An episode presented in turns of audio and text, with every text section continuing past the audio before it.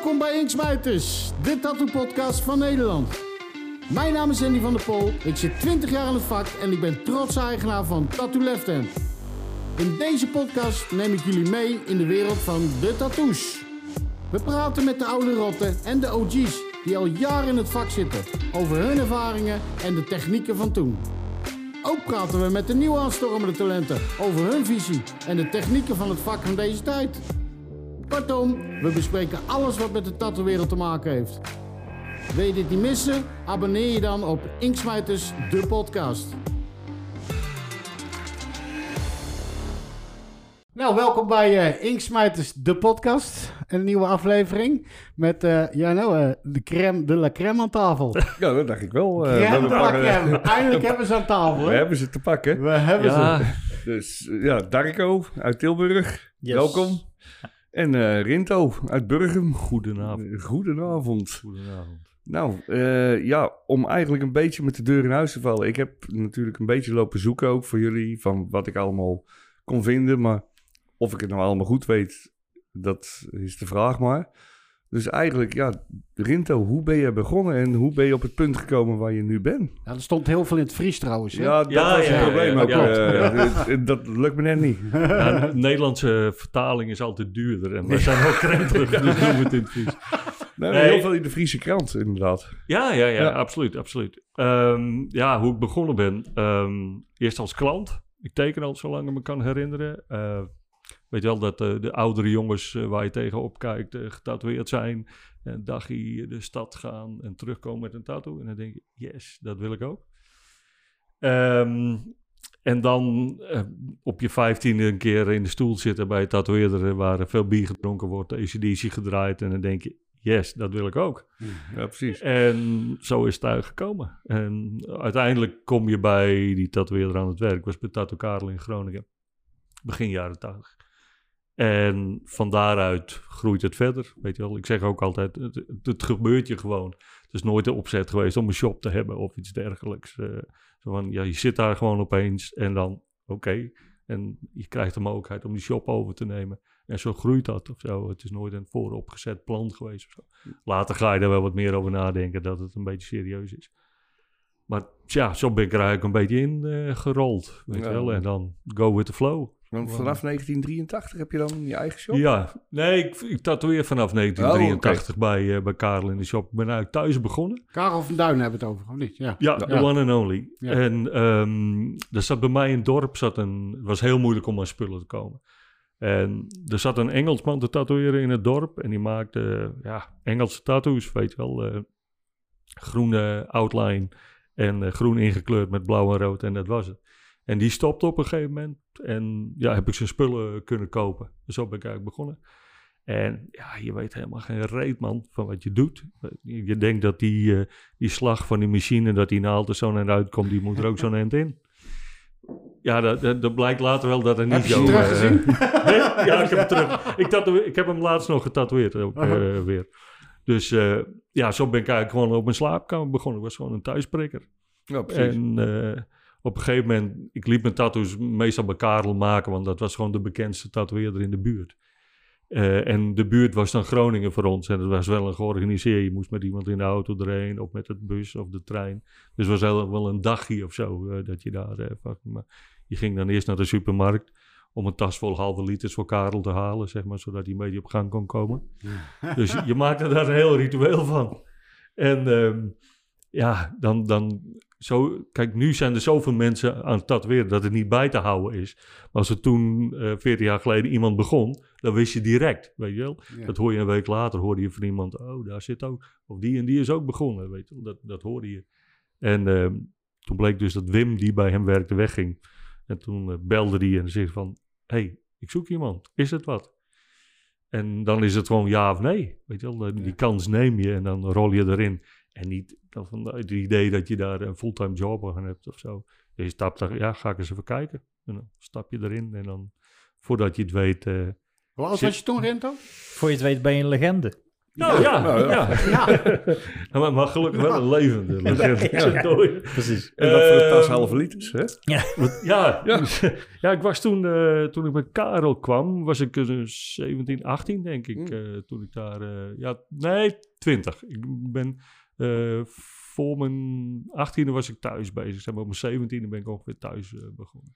ja zo'n thuisprikker. Ja, ja, ja, in mijn slaapkamer. Ik had mijn slaapkamer helemaal, daar zijn wel foto's van, helemaal vol met flash en eh, potjes en verf. En ik had zelfs toen al een autoclaaf. Oh, echt? Ja, ja, Ja. dat had ik gelezen in een blad dat het ergens moest of Ja. zo. want wa- er was eigenlijk geen nieuws, dus je, je haalde van die bikerbladen en dan strok je dan, eh, weet je wel, die, die stukjes uit en dan ploos je dan helemaal na. En dan had ik eh, zo'n veredelde snelkookpan, had ik zeg maar, als autoclaaf. Ja, goed. Ja, leuk man. Ja. Hey, en Derko, Yes. welkom. Ja, Ehm, dank je. geboren en getogen in Eindhoven. Ja. Gevestigd Kei, in- zeg ik al. Ik kom uit Kei uit Eindhoven. Zeg ik Ja. Hey, ehm, gevestigd nou in Tilburg. Yes. One Tattoo. Ja. Hey, eh, hoe, hoe zit het bij jou? Want je, bij jou is het begonnen bij je opa, geloof ik, hè? Die van Japanse... Ja, van Japanse kunst hield. Ja, hield. ja die, die handel daarin. Die, die leefde van de handel in Aziatische en Afrikaanse kunst.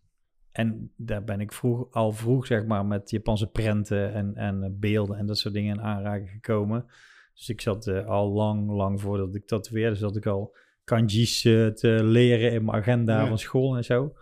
En eh, ik kom nogal uit een eh, ja, artistieke familie, dus dat, bij mij werd er altijd, eh, er zei nooit iemand, ga lekker buiten spelen als ik zat te tekenen. Die vonden het allemaal prachtig dat het deed. Ja. Dus zo is dat gebeurd inderdaad. En toen, ik heb allerlei scholen gedaan, eh, grafische school, eh, Sint-Lucas en daarna naar de kunstacademie. Ik heb overigens nergens een dipla- diploma van.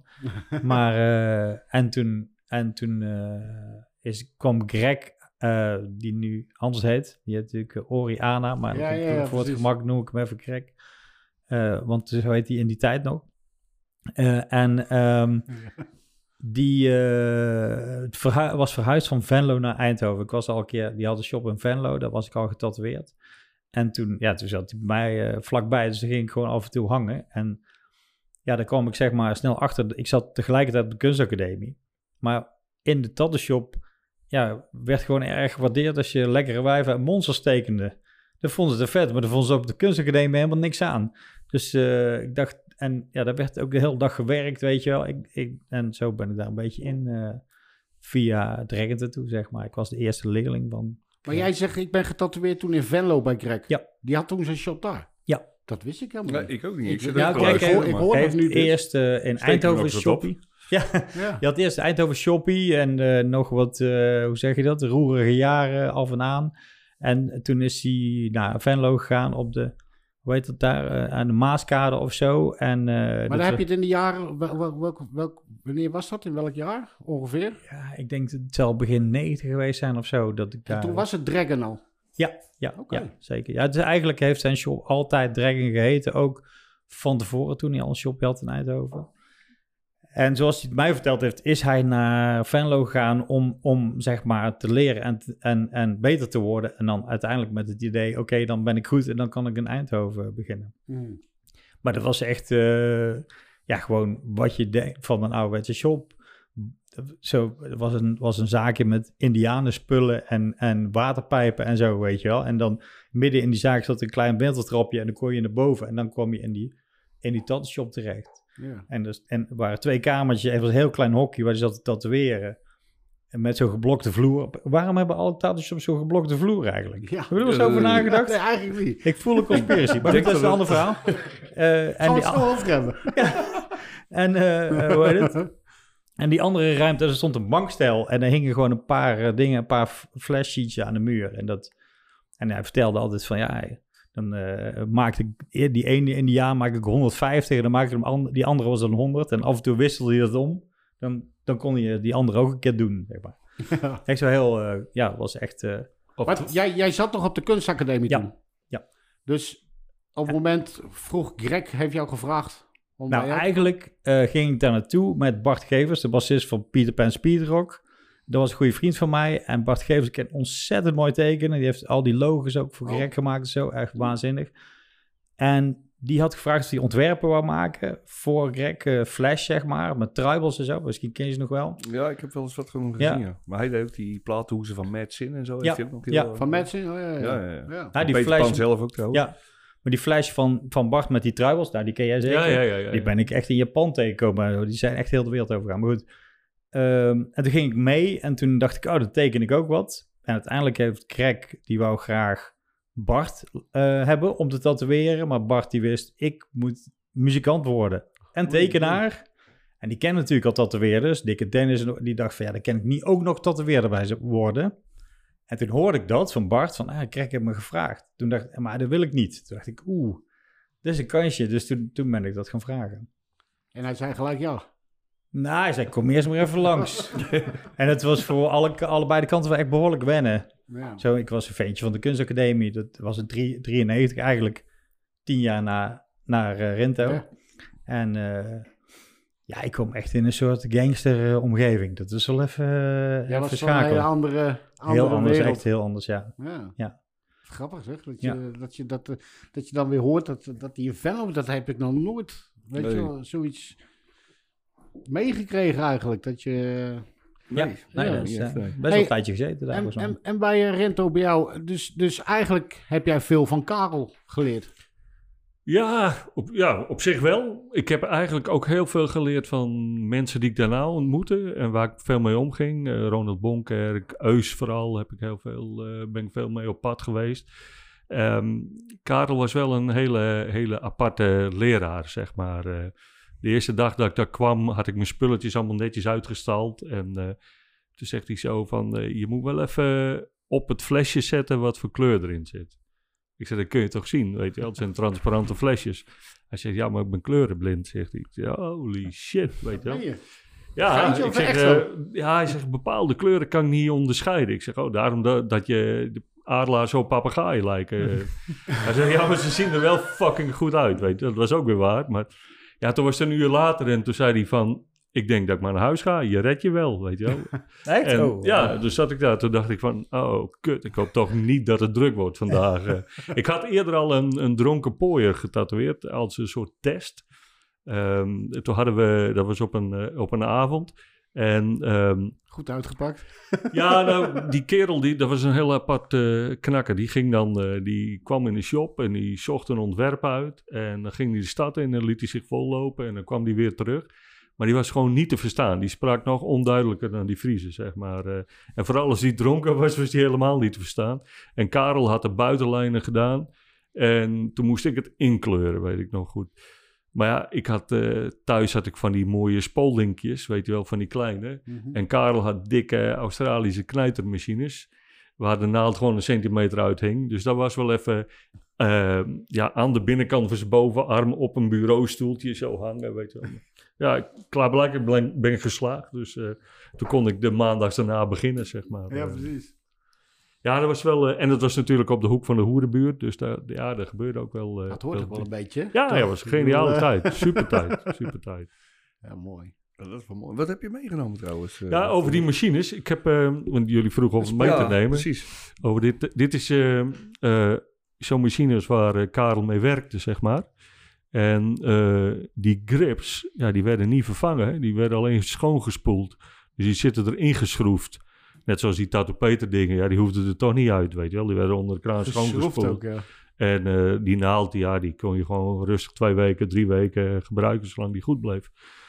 En ja, dit is niet, niet de originele, zeg maar. Dit is wel een originele die toen in de jaren tachtig een keer verbouwd is, omdat we tubes moesten gaan wisselen.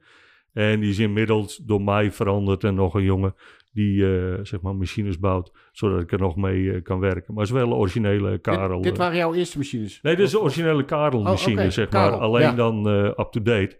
En dit is van een Australische verzamelaar, omdat ik één wou die graag origineel was, weet je wel, met dezelfde tubeface.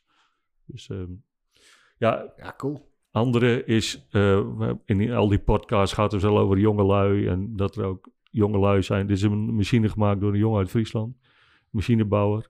En ja, oldschool waardes, weet je wel. Die maakt dikke, dikke coils. eh. Ja, maar is ook een jonge gozer, toch, die dat doet? Dat is een hele jonge Ja. gozer. Ja. Ja, maakt eh, dikke coils. Welke jongen is dat, uh, vraag maar? Jelmer, Jelmer Staastra. Ah, Oké. En uh, ja, hij is gewoon gaan... Uh, Voor de camera vouwen, sorry. Moet er eventjes... Uh, Jan, kun je het even doen? Ja. Om even kunnen laten zien voor de kijkers ook, ja. Dus uh, daar, hier, ja, daar, ja. Maar dat is wel bijzonder dat je dat meeneemt natuurlijk, als van zo'n jong jochie is, ja. dat hij dat toch even wat, wat, wat over... Ja, omdat ik het mooi vind hoe die jongen erin staat, weet je wel. Ja. Uh, hij, uh, hij heeft in het begin heel veel machines gemaakt voor mensen en die ruilde die voor tattoos. Oké. Okay. Dus, ja. uh, en als ik zie hoe leergierig die is en met hoeveel mensen over de hele wereld hij correspondeert, frames ruilt, onderdelen ruilt en hij maakt alles zelf. Maar en, hij tatoeëert niet? Hij tatoeëert niet, Doet, heeft hij ook niet die ambitie. Maar waarom wil je dat dan wel maken dan? Hè? Ik bedoel, ja, is... een goede vriend van hem is tatoeëerder. En uh, ja, hij is machinebankwerker. En ja. hij, vindt het, of, ja. uh, hij vindt het gaaf om te maken. En de hele scene eromheen. Heb jij ermee gewerkt met deze? Ik werk met deze. Je werkt met deze? Ja, is En wat, wat, wat maakt de machine goed dan? Wat je... Ja, is een combinatie eigenlijk. Uh, weet je wel, de eerdere waren gewoon zwaar en lomp. Nu is de frame symmetrie heel erg goed. Nou, weeg ook niks. Nee, nee, op zich, hij is nog best wel gewichtig. Maar, uh, en een paar dingetjes die ik graag wil hebben, zoals ik ze wil hebben. En zo maakt hij het dan, weet je wel. Je hebt hem een opdracht gegeven dus ook gewoon. Dat je, dat je zegt van, nou, dat en dat wil ik. En, ja, uh... ja, ik wil de coil zo, ik wil dit en dat. En dan, uh, en heel vaak als je een, een, machine koopt, dan moet je maar afwachten hoe die loopt, zeg maar. en waar, en waar, waar kunnen mensen, luisteraars, waar kunnen die, die jongen vinden? Of, of, internet. Gewoon, uh, Wat is zijn naam? Jelmer Staastra. Het heet uh, J. Staastra Machines. En uh, hij maakt eigenlijk alleen maar coils. Hij maakt ook direct drives, maar liever niet. Mm -hmm. Want er is geen uitdaging voor hem. En ehm, ja, hij maakt goede machines. Maar alleen aan, aan, aan shops levert hij. Dus hij heeft ook principes. Dat vind ja. ik ook fijn. Dat is heel fijn, ja. Ja, absoluut. Nice. Sorry? Linkje nog even onder in beeld laten zien. Ja, we laten het linkje onder in beeld, ja. ja, ja. maar jij werkt dus uh, echt alleen nog met coils? Of? Nee, nee, nee. nee ook nee, wel nee. andere machines? Ja, ja, ik werk ook uh, met, uh, veel met direct drive. Dus, en dat is de laatste jaren er eigenlijk bijgekomen. Um, eerder ook wel eens geprobeerd, die oude Engelse dingen. Maar dat waren hele brute dingen. En natuurlijk, die technologie staat ook niet stil. Nee. Dus als je de huidige direct drives, ik heb er uh, twee van Dave, ik heb er een paar uh, van uh, Lithuanian Irons, die zijn erg goed, vind ik. Uit Litouwen, en die zijn ja. erg goed uitgebalanceerd. Dubbel gelagen, 12 volt motortjes, echt goede shit. Dus, en op het ogenblik werk ik ook wel met een pen. Om te testen. Ik wil weten waar het over gaat. Ja. En ik moet zeggen, het gaat als de brandweer. Hoor je het nou, ja. Dikkie de Wit? Hoor je het nou? Hoor je het wat hij zegt? maar ik wil niet zeggen dat het blijvertjes zijn of zo. Nee, weet je. Ik wil gewoon weten hoe het, hoe, het, hoe het gaat. En ik kan niet zeggen dat het uh, beter is. Ik kan ook zeker niet zeggen dat het slechter is. Het is dus, anders. Uh, het is anders, ja. Maar als ik dan, uh, weet je wel, een, een, ja, wat mensen vragen, wat is een goede machine? Ja, op een goede dag is elke machine een goede machine. Maar als ik dan weer een oude bonkerk pak, weet je wel, van 30 jaar oud, dat gaat ook als de brandweer. Dus... Blijft gaan, hè? Ja, dat blijft gewoon gaan, weet je wel. En dit gaat ook, hè. Dit gaat echt uh, als de brandweer. Hé, hey, Darko. Uh, ja. Um, vind jij dat een tatoeëerder weet hoe zo'n machine in elkaar moet zitten? Of niet? Uh, dat is een goede vraag. Ik, ik ben niet een heel erg machinespecialist. in zoverre dat ik wel een klein beetje weet hoe dat werkt en, enzovoort. Maar bijvoorbeeld van het hele idee stroom dat vind ik echt een abstracte, dat vind ik echt heel uh, freaky. Ja, ja. Uh, en, en eigenlijk uh, ja, kom ik echt, nou dat zei ik al, ik kom echt een beetje van de ontwerpkant, zeg maar, of zo. En uh, natuurlijk zijn het prachtige machines en op een gegeven moment vind je een ding waar je lekker mee kan werken. Ik heb voornamelijk machines van een jongen uit Duitsland, Dennis El Ombre Invisibile. Ik ben dat ooit is een dikke naam. Ja, ja als je, je kunt het, is een heel onopvallende gozer, dus ja. het, daarom heet hij zo. Ja. Maar ja, toch? Maar coil. To, topmachines. Ja, ik heb een coilmachine. Ik heb een aantal, ik heb flinke tattoos van Luke Atkinson uit Stuttgart. En uh, die jongen werd getatoeëerd door Luke. En uh, die is ook machinebankwerker. En, en die zat dus zo naar het een machine te kijken. En dat ding kan ik ook maken. En Luke zei, nou, dan, weet je wat, maak er een. Dan tatoeëer ik je ermee en dan eh, zullen we zien, weet je wel. nou, die heeft het in de loop van de tijd eh, eh, ontwikkeld en maakt waanzinnige Ja. dingen. Ik heb nog een paar van zijn experimenten, dat is ook wel vet. Ehm, Prototypes. ja, ja, Ja. maar... maar ehm, Het zijn de beste afgewerkte machines die er ja, zijn. nou ja, echt Duitse Ja, en helemaal als je hem voor Atkinson moet maken natuurlijk. Ja, ik bedoel... ja, ja, Dennis. Ja. Ja, waanzinnig. Die maakt alle machines anders. En die heeft, eh, als er iets is, ik kan hem opsturen, dan fixt hij hem. En eh, super, eh, super goede gozer. Die naam die past ook echt bij die machine, vind je niet? Ja, Dat past Ja, vooral maakt- bij de man. ja bij de man. ja. Heel onopvallend ventje. is het. Prachtig. Ja, vet. Ja, hij heeft echt, voor veel mensen die kennen, heeft hij machines gemaakt. Maar, maar ik ben zelf echt niet echt een techneut wat dat betreft. Rinto heeft echt... Hoeveel machines heb jij? Dat valt wel mee. Ik heb ook Oh, ja? wel wat van de hand gedaan. Ah, maar, eh, ja. stuk of 400. Nee, man, bij lange na niet. De helft, denk ik. Nou, Mhm. dat valt wel mee, zeg. Ja. Nou, zoveel heb ik er niet, hoor. Molly had er iets van 4,5 Vier- of zo. Ja, oh, ja, dat maar geloof ik. Die verzamelt, verzamelt ook Ja, echt alles. een verzamelaar, ja. Maar, jij, maar, maar, maar zoals Coil, jij wisselt ook vaak met Coil. Ik werk eigenlijk. eh, ik heb eigenlijk altijd met coils gewerkt. Daar heb ik, ben ik, heb ik het mee geleerd, zeg maar. En, en eh, alle lijners doe ik altijd met coils. Eh, maar inmiddels bijvoorbeeld zo'n Bishop. Ja, dat vind ik geweldig materiaal. En op een gegeven moment dan... Je, ik denk ook een beetje dat je je hand een beetje naar een machine moet zetten of zo. Sommige mensen denken je moet er net zo lang aan schroeven tot hij doet Ja. wat hij wil. Maar ik denk, als hij niet doet wie wil, dan moet je een andere, andere Ja. pakken. Het is een beetje wat de machine doet, wat je ermee kan, zeg Ja. maar. Niet andersom. Wat wil je ermee doen en eh, precies. Ja, ja, ja. Ehm, en eh, natuurlijk heb ik eh, ook in mijn apprenticeship, want ik heb best wel een karate kid-achtige apprenticeship gehad. Dat geloof ik gelijk. Ja. Zo van hier, hier heb je een machine, haal maar uit elkaar, eh, zet hem in elkaar, dat hij het doet. En dan kun je daarmee tatoeëren. Dus dat, dat was een soort basis dingetje. Maar goed, het is wel mooi. Ik werk bijvoorbeeld met Sjoerd eh Elstak. En eh, ik had een, een leerlinge, eh Madeleine Hoogkamer. Maakte waanzinnig, ontzettend getalenteerde griet. En toen hadden we het over machines. Toen ging het over de armature bar. Toen zei ze, wat is dat dan? Is dan... Terwijl ze een paar jaar werkte en fantastisch mooi werk maakte, maar niet wist welk onderdeel het, hoe, hoe dat heette. Precies. Wat jij als, eigenlijk als eerste leerde vroeger bij ja, Trek. ja, Ja. maar goed, ze maakt echt fantastisch werk en, en al die dingen zijn te koop natuurlijk. Hè. Vroeger was het niet, dan moest je echt moeite, zo'n Aust- ja.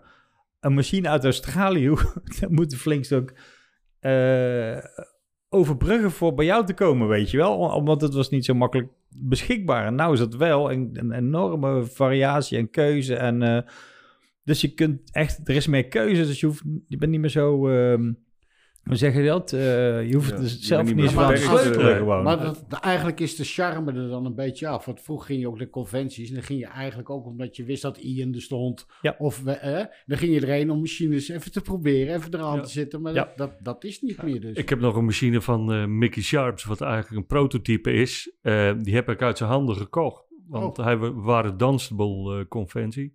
En dat was totaal uitverkocht. eh, voordat die, dat waren de machines die hij nog allemaal zelf met de hand eh. Dat was voor die T-dials, zeg maar. eh, die waren nog niet aan de orde.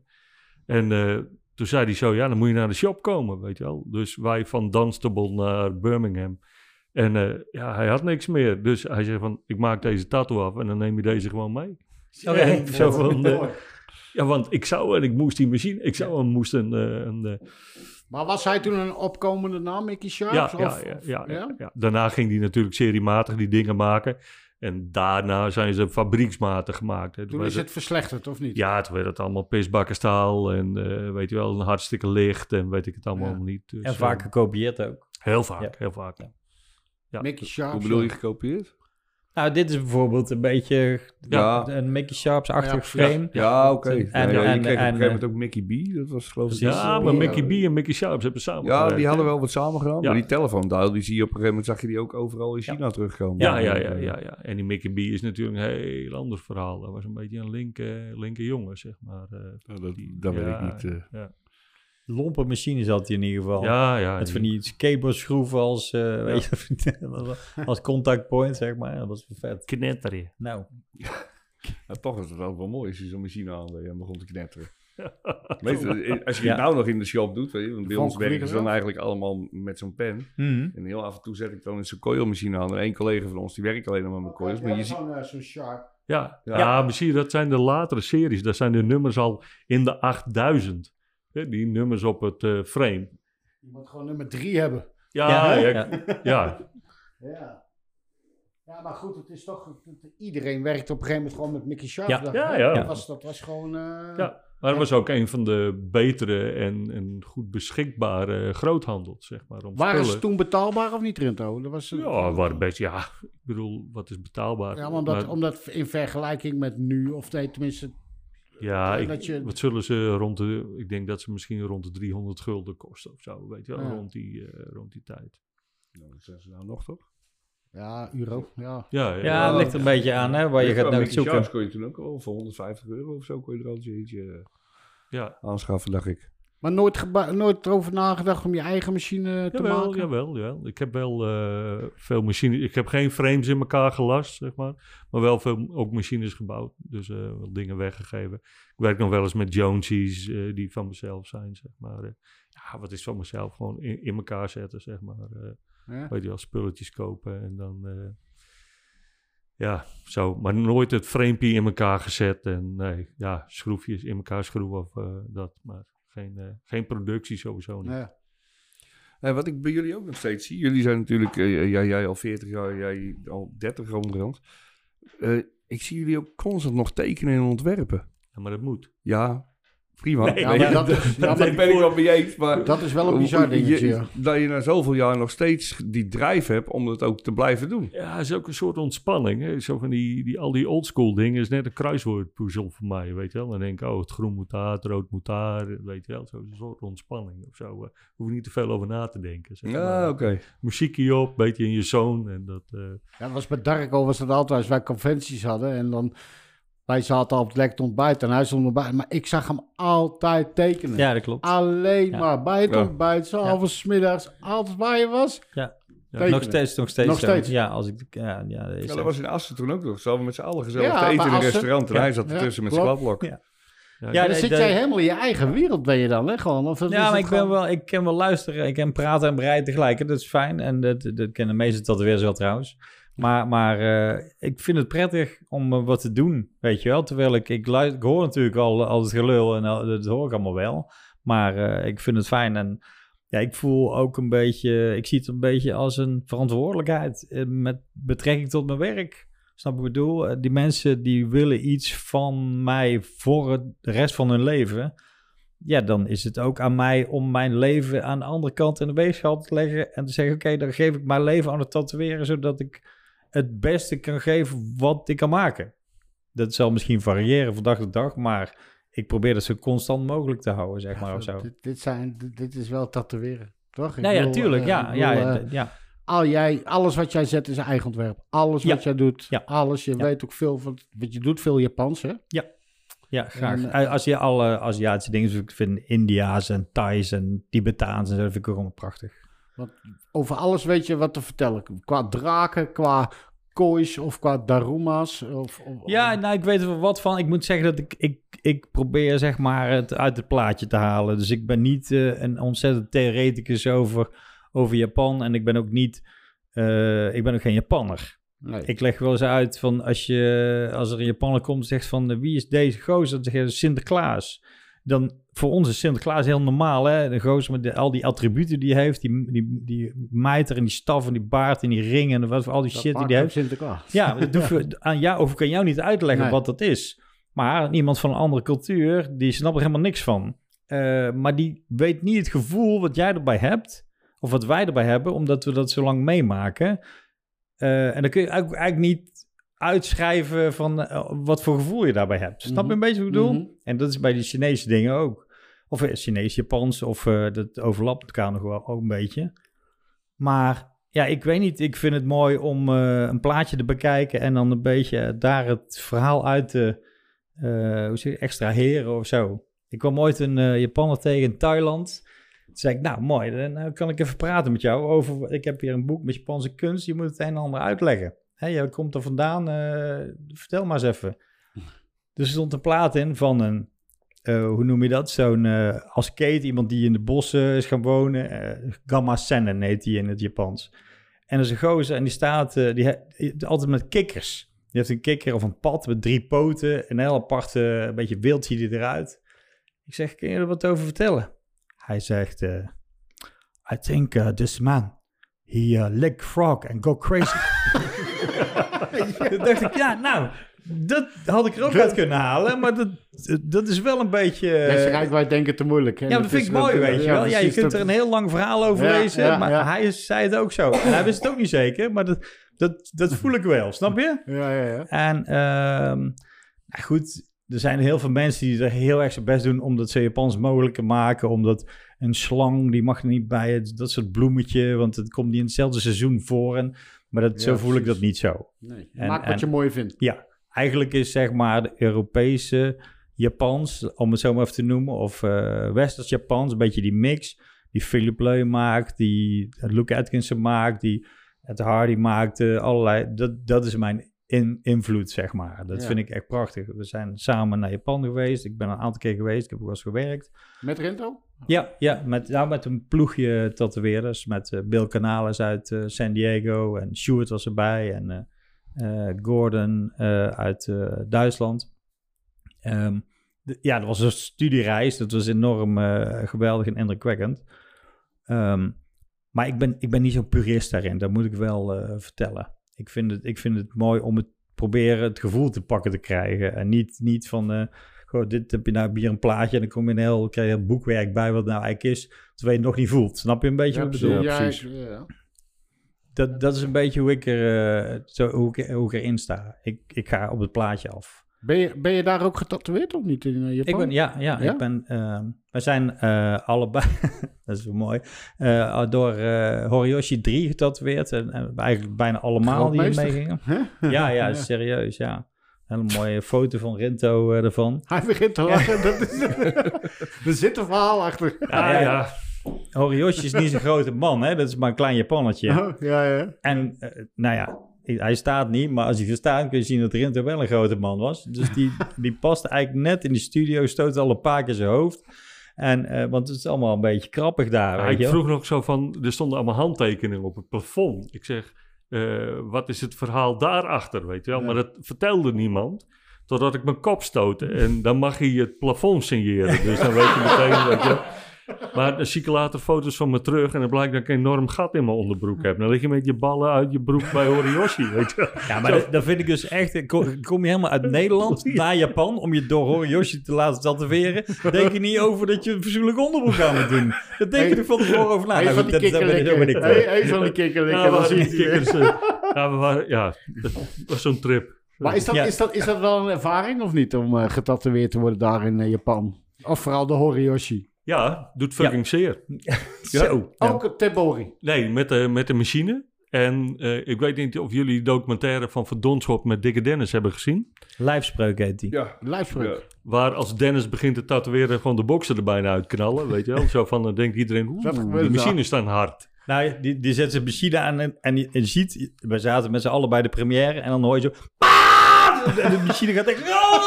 En iedereen, alle tatoeëerders die tenen gingen zo, zo in de grond van, van... Oh mijn god, is daar dan daar... Nou, dat is zo Nou, we ongeveer... horen Yoshi klonk- ook, die stelt Ja. zijn machine zo af, die kijkt niet naar de powerpack en doet...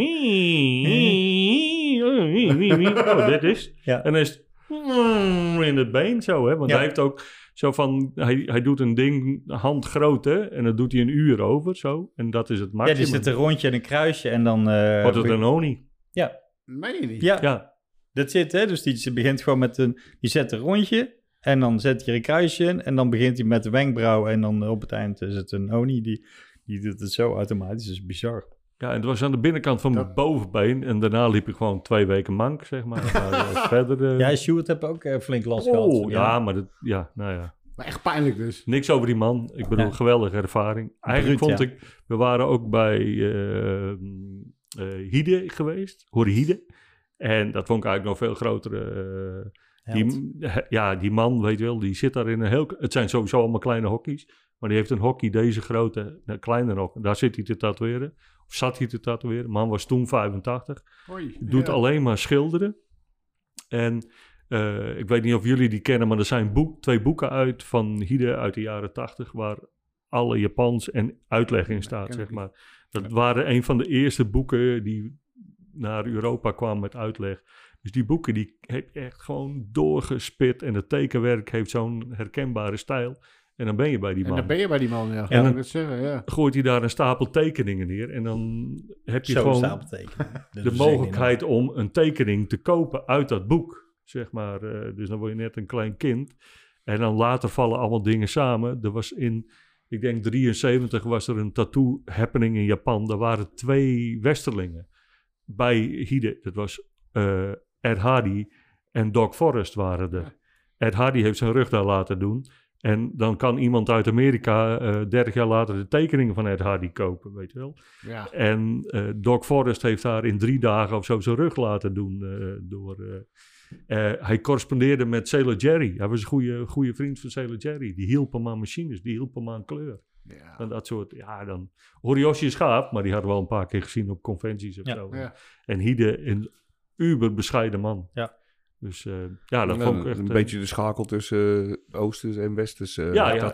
Want hij is heel erg America-minded, zeg maar. Hij heeft ook, weet je wel, van die western dingen aan. En Belbukkel op. had hij om. Ja, en eh, double fuck, zegt hij, weet je wel, zo van dat soort. En dan is hij 85, maar je moet eerst mee naar zijn lokale Chinees. We moeten eten en Ja. de hele Maar zo'n Ed Hardy, daar keek hij weer tegenaan, denk ik dan. Ja, of niet? nee, Dat was- daar correspondeerde hij mee, weet je wel. Ja. Eh, en dat waren goede kennissen. Kijk, die Hardy ging natuurlijk naar eh, Japan en die heeft heel veel dingen mee teruggebracht eh, daarin.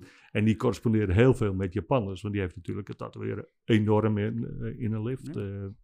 Jij hebt ook nog een stuk van Ed Hardy, hè? ja, ik heb een stuk van Ed Hardy. Ja, je had de laatste keer eh, volgens mij wat brieven gepost of zo. De correspondentie heen en weer. en hoe je tattoo tot stand toen is was gekomen. er, was er geen mail, hè? Nee, dus het ging gewoon eh, per, eh, per brief. Dus, eh, Over ja, welke tijd hebben we het nu dan?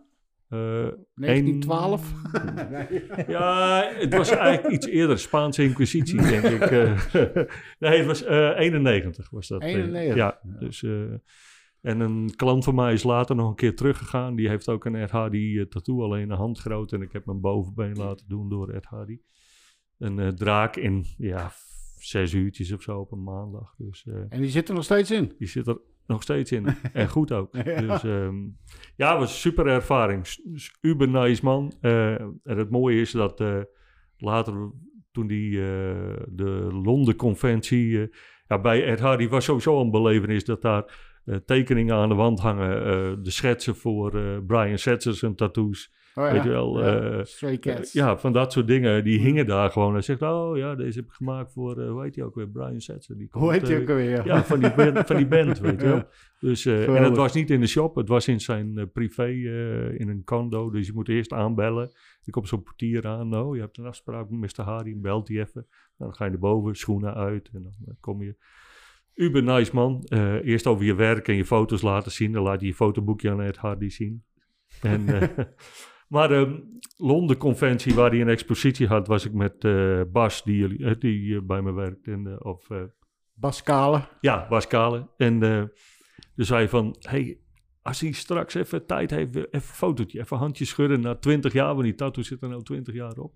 En dus die stand was rustig en het haar die stond daar en wij erheen en gaf me een hand. Ik zeg, eh, nou, je hebt 20 jaar geleden een draak op je been gemaakt. Zegt hij, ja, dat weet ik nog. Meen je? Ja. shit, weet je. Ja. komt uit Scandinavië toch? Nou, ik denk, dat, dat, dat schenk ik je, weet je wel. Ja. Daar, eh, daar zou ik niet moeilijk over doen. Dat maakt niet uit. Eh, de foto is er niet gekomen, want Bas stond ook met een mond vol tanden, zeg maar. eh, zo van, dus ja, de foto is er niet gekomen. Maar het zit er nog steeds, ja, een hele belevenis, Ed Hardy. Mooi man. En hij is niet alleen van de t-shirtjes, hè. Nee, dat Voor is de tegenwoordig kijkers hè, thuis. voor de, voor de mensen. Ed Ja. Hardy die maakt mooie kleding. Ja. ja, Dus, voor de eh, kijkers thuis. Hey, maar wa- dat, dat is nog steeds iemand waar je, wat voor jou, die voor jou spreekt. Ja, onder andere, weet je wel. Het zijn wel de, de, de triggers voor, voor dat tatoeëren meer kan zijn dan... eh, en hoe die mensen erin staan en wat voor achtergrond zo iemand heeft. Onder andere, ik bedoel, eh, Ja, zoveel die, mensen. die man deed echt, weet ik veel, in 85 maakte hij al Japanse rugstukken. ja, waar ja, ja. Mensen nou nog steeds hun vingers bij aflikken. Ja, Het is ongelooflijk wat die man maakt. Mijn, mijn favoriete rugstuk is nog steeds The Coming and Going. Ik weet precies wat je bedoelt. Uit, Coming and going. die staat in de Tattoo Time, de de, ik weet misschien ken je dat, het zijn een serie van vier tijdschriften die hij uitgegeven heeft. Eh, ook al eh, f- misschien eh halverwege jaren 90 of zo, weet ik niet Oh, precies. Ja, denk ik wel. Ja. En daar, ehm, eh, ja, daar, dat was eigenlijk een van de eerste echte goede publicaties over tattoos, over wat er allemaal mogelijk was. Er stonden stukken in over Greg Irons en op allerlei eh, aspecten eh, ja, waar hij aan deelneemt. En daar staat een, een rugstuk in van een monnik die verlichting bereikt, eh, terwijl die, eh, hoe heet het, harikiri pleegt. Dus op het moment dat hij doodgaat, eh, eh, bereikt die verlichting en hij komt klaar. Dus, de- dus de- daarom heet hij Coming in. Going. Ah, super, stuk. Kunnen Ja. we die niet opzoeken? Ja, kunnen we dat, niet, kunnen we dat dus niet vinden? Want Ed Hardy, Coming een- Going. Hij komt. Nou, dan krijgen we een YouTube-liedje. Don, Don Ed Hardy zal misschien helpen. ja. Don Ed Hardy, The Coming and Going. Back, backpiece of zo. Of, eh, hey, maar eh Darko, jij over rugstukken gesproken. Jij was ook al, ja, ik bedoel, vroeg bezig. Ik bedoel, want die eigenlijk sleeves en bodysuits en dat soort dingen. Dat is eigenlijk nog helemaal, dat zie je eigenlijk nog niet heel veel. Hè? Ja, tenminste sinds tien jaar of zo, denk ik. hè. Maar Nee, jij, was, klopt, jij ja. was al veel verder daarvoor, was jij ermee bezig ook al. Ja, ik, nou, het kwam ook een beetje omdat ik zeg maar dus inderdaad geïnteresseerd was in Philip Leu en, en, en Luke Edgerton en meer van dat soort eh Mick uit Zurich en Hideo uit Japan en zo. En toen heb ik het tattoo eh, door Luke laten zetten en, en de, die, eh, een draak op mijn... eh, oh, dat is Nee, dat is niet. Nee, eh, een eh, draak van mijn oksel tot mijn enkel, zeg maar. Dat wou ik... eh, en, en ja, dat is natuurlijk een enorm stuk. En dan leer je ook enorm veel over hoe dat werkt op een lichaam. En ja, het is heel simpel. Als mensen dat zien, denken ze... Ja. Jezus, dat ziet er goed uit. Dat, dat lijkt me ook wel wat. Ehm, maar uiteindelijk, ja, tijd, een paar jaar geleden heb ik, dacht ik, hoeveel, hoeveel rugzak heb ik eigenlijk gemaakt, joh? Toen ging ik tellen en toen, toen dacht ik... Het, het, het- Je weet het ook gewoon, 80 en toen Ja. dacht ik, ik heb er 90. Ja. Ik, Shit. En toen heb ik er een paar bij gesmokkeld omdat het halve rugstukken waren. Maar dat is alweer vier jaar geleden. Dus ik denk dat ik er wel 100 gemaakt heb inmiddels. Wat, wat, wat was de eerste die wij zagen? Ik, ik weet niet hoe zij heet. Ja, jij, jij kent haar. eh, Met dat rode haar uit Utrecht kwam ze. Gewoon niet, hè? ja, Juist, Ja, gewoon gewoon niet. van de bel, ja. van de bel, ja. niet normaal toen ik dat stuk Oh ja? zag. Oh, en dat is, hoe oud is die al? 20 jaar misschien Ja, dat is al? echt flink stuk. Ja, Ja, dat hè? klopt. Ja, ja. Niet normaal. Toen ik dat zag, ik zag echt zo, wie heeft dit gedaan, weet je ja. wel? Want ik grote was- ik- food dog met zijn bek open en met een godin erin en een klauw op de kont zo. Ja, niet klopt. normaal. Oh, thanks man. ja, en nog steeds. Ja, Dat die, ja, eh, ja, ik kom er nog eens dat ik tegen. dan, eh, tenminste, ik heb haar even niet meer zien, maar dat is geen vijf jaar geleden of zo, weet je wel. Dus ik bedoel, Nee, nee, maar het Nou. ziet er nog goed uit, die tattoo. Dat klopt. En, eh, ja, ja. dan een tattoo, vind ik. Ja? Ik zeker. bedoel, ja. En jij, eh, jij rent ook hoe- hoe- veel ehm, backpiece, eh, Ja, ja niet werk. zoveel als Darko. Weet je wel, mensen zijn toch misschien wat terughoudender of zo. Maar dat, ja, dat groeit toch wel eh, lekker gestaag. Ik heb een paar mensen nu... Ik heb nu drie bodysuits, denk ik, in de maak. Eén is eh, af. In zoverre, die heeft Kleur. zijn... Ja, kleur, Japans. Tot aan zijn ellebogen. En de discussie is of de rest ook moet, zeg maar. Want Ja. vanwege zijn werk wil hij eigenlijk de onderkant nog niet. Maar dat is gewoon in zeven jaar gebeurd of zo. Zes, zeven jaar. Of zo. Ja. Die had het gas er flink op. Nou, En, dan, eh, dan, mag, je- dan, mogen, dan komen we denk ik zo op dat onderwerp, maar dan mag, mag hij wel opschieten als die kleuren er misschien wel uitgaan. Ja. Hè? Ja, En ik bedoel, ja. ja, maar dan gaan we op de, met een bootje op de Noordzee liggen. Buiten de territoriale wateren. We verzinnen wel Ja, wat. dat zou misschien wel kunnen, ja. We hebben ook samen een gozer uh, eigenlijk Oh ja, we hebben eh, eh, één of twee klanten hebben we ja, samen. een, gast uit Vlissingen.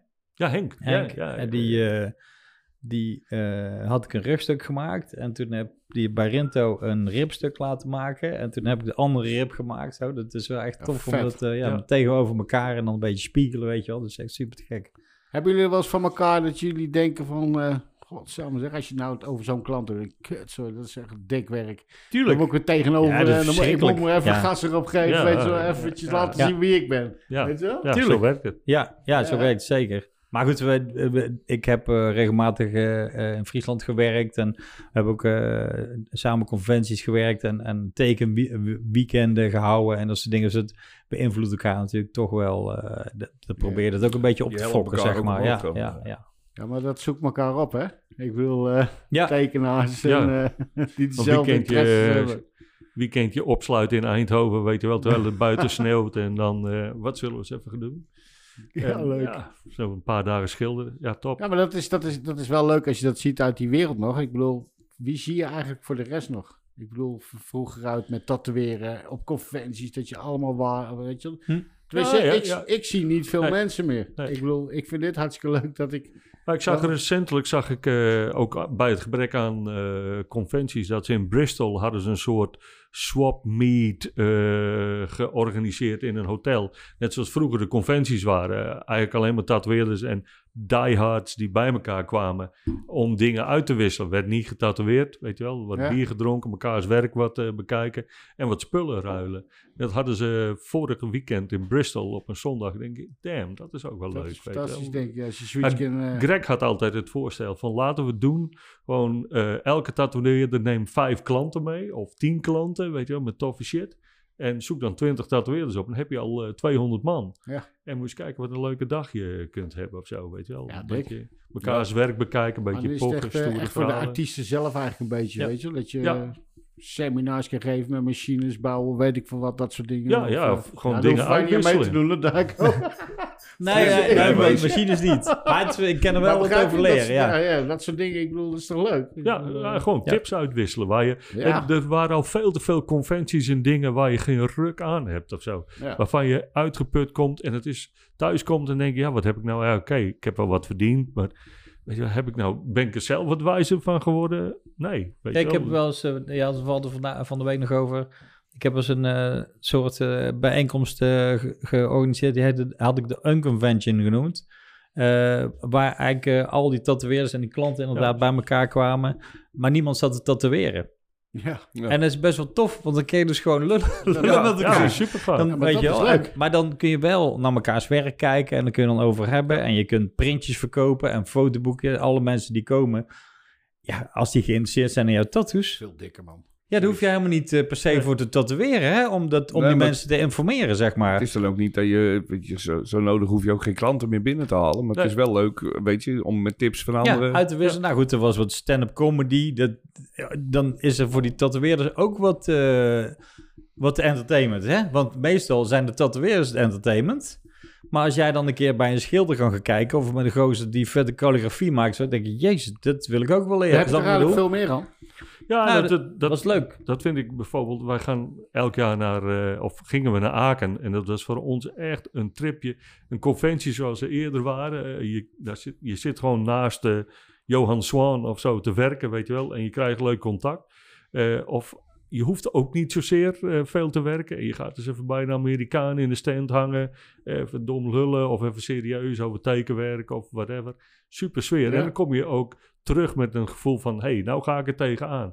En die andere conventies kom je gewoon afgemat thuis. En daar zit gewoon eh, de helft zit met een koptelefoon op... en zijn klant zit met een koptelefoon op. Ja, dat is... En dan denk je van, ja. what the fuck man? Wat zit hier nou... eh, Ja, je hebt natuurlijk zelf dat jailbreak nog eh Ja, ja, dat, Zo. Dat was uit onvrede van die, al die conventies in Nederland. dat is Als zo ik- geboren. Als ik in het buitenland hoor van collega's, als ik Henning spreek... en die zegt van, ja, ik kom niet naar Nederland. Henning Jurgensen, zo Ja, van, ik kom niet naar Nederland, want er is geen conventie. Weet je wel, het is allemaal reet, ruk. Amsterdam, dat is toch om te janken. Voor de hoofdstad van Nederland, dus om te janken. Ja, die waren wel ooit goed, hoor. En die Ja, waren maar goed, dat bedoel ik. tuurlijk. Maar wat voor organisaties had er toen Ja, eigenlijk? ja. Ik bedoel, hè? Ik bedoel, Nou, eh, ja, dat is het ook, weet je wel. Daar moet iemand achter zitten waar mensen het gevoel bij krijgen. Dus in Aken zo, met Andreas. Je komt op Andreas een feestje. En dat is dus, hij, hij, je moet ze ook uitzoeken, want Ja. anders heb je gewoon straks...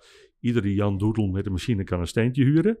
En dan krijg je die samenhang ook niet, weet je wel. Die Nee. moet, ja, maar dat moet je toch zelf... Dat moet je toch... moet als- je in de hand houden. Ja, Ja. maar je moet ook zelf mensen... Daar hadden we het vorige keer ook over.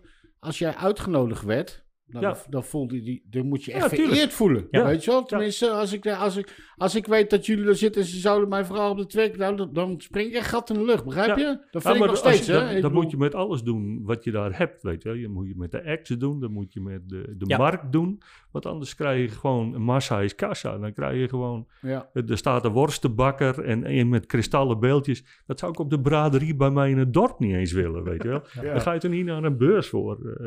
Maar we gaan Dat- sowieso met een Inksmijters Festival doen, hè? Dat. Ja, dat dat heb ik hebben we gedaan. gehoord. We hebben de Inksmijters Festival, als we die tatoeëerders allemaal gehad. Degene die bij ons geweest zijn, en die willen natuurlijk, dan gaan we lekker een beetje tatoeëren, hoeft niet tatoeëren, maar Oh, gewoon bij Ja. elkaar komen. Meer een je beetje wel? wat jij net zei. Ja, Gewoon lekker ja, dat Ja, idee. lullen, dingen uitwisselen. Lekker worstbakken en dan... Dat is niet erg. En hem gelijk kunnen opeten. Nee, maar eh, ja, dat, dat, dat zou...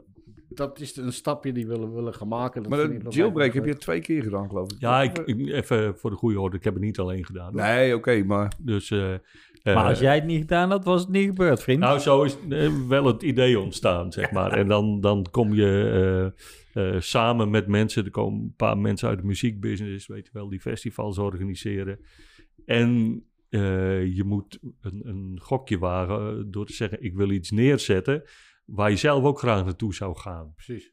En als dan ehm, de organisatie of eh, die gasten waar je het mee doet en die zegt welke band zou je willen? Eh, dat ging over de eerste editie. Hè? Dat was alleen een Mhm. Nederlandse happening, omdat we wouden kijken hoe het, hoe het zich zou ontwikkelen. En toen hadden we 25 Nederlandse tatoeëerders. Die zaten allemaal in een cel, want het was in een oude gevangenis. Super vet En- was dat. Ja, dat is niet was normaal. supervet. En er zaten eh, kleine podia's en we hadden in het cellenblok. Ik zeg, ja, dan wil ik gewoon, als we het één keer doen, dan wil ik gewoon de beste band van Nederland. Peter Pan's Pete Rock, weet je wel. En het dak ging er af, zeg Ja. maar. Daar was was, niet, niet eh, best. Staat hij nog steeds leeg, eh, die eh, gevangenis? Of- Nee, nee, nee, nee. Die is, eh, daar zit van alles in door de gemeente, zeg maar. Want het gebouw moest natuurlijk rendabel. eh, dat was een gigantische kostenpost. Dus dat is naar een, eh, eh, een andere organisatie gegaan die het rendabel maakt. Dus zit de bibliotheek zit erin en zit een hostel in. En dat begrijp ik allemaal heel goed, weet je. Ja. Alleen voor ons is dat niet meer aan de hand.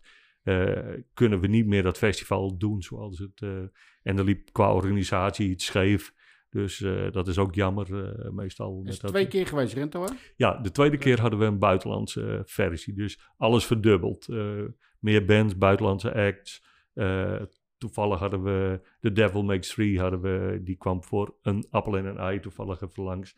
Nou ja, dat is gaaf dat je die op je festival hebt gehad. Ja. En buitenlandse tatoeëerders. Dus, eh, we hadden die Ja, Nederlandse. Japanners. Hadden we, eh Yushi zat er natuurlijk. eh, maar we hadden ook Bill Canales. We hadden lui uit L.A. Echte motherfucking gangsters. Tja. Die ja, dat is voor de tattoo-wereld is dat super vet natuurlijk. Hè? Als, je, als je die naam ook hebt en al dat dingen. Ja. Maar we hebben zelf ook wel eens een conventie. Maar dan kun je wel zeggen, ja, die en die komen. Maar een leek weet niet wie een kanalis is. Begrijp je wat ik Nee, bedoel? maar dat, dat Of- geeft ook of- niks. Je moet mensen ook een beetje opvoeden. Ja. Dus in, in de weg daar naartoe. En eh, kijk, waar je ook van uit moet gaan, dat die tatoeëerders enthousiast worden.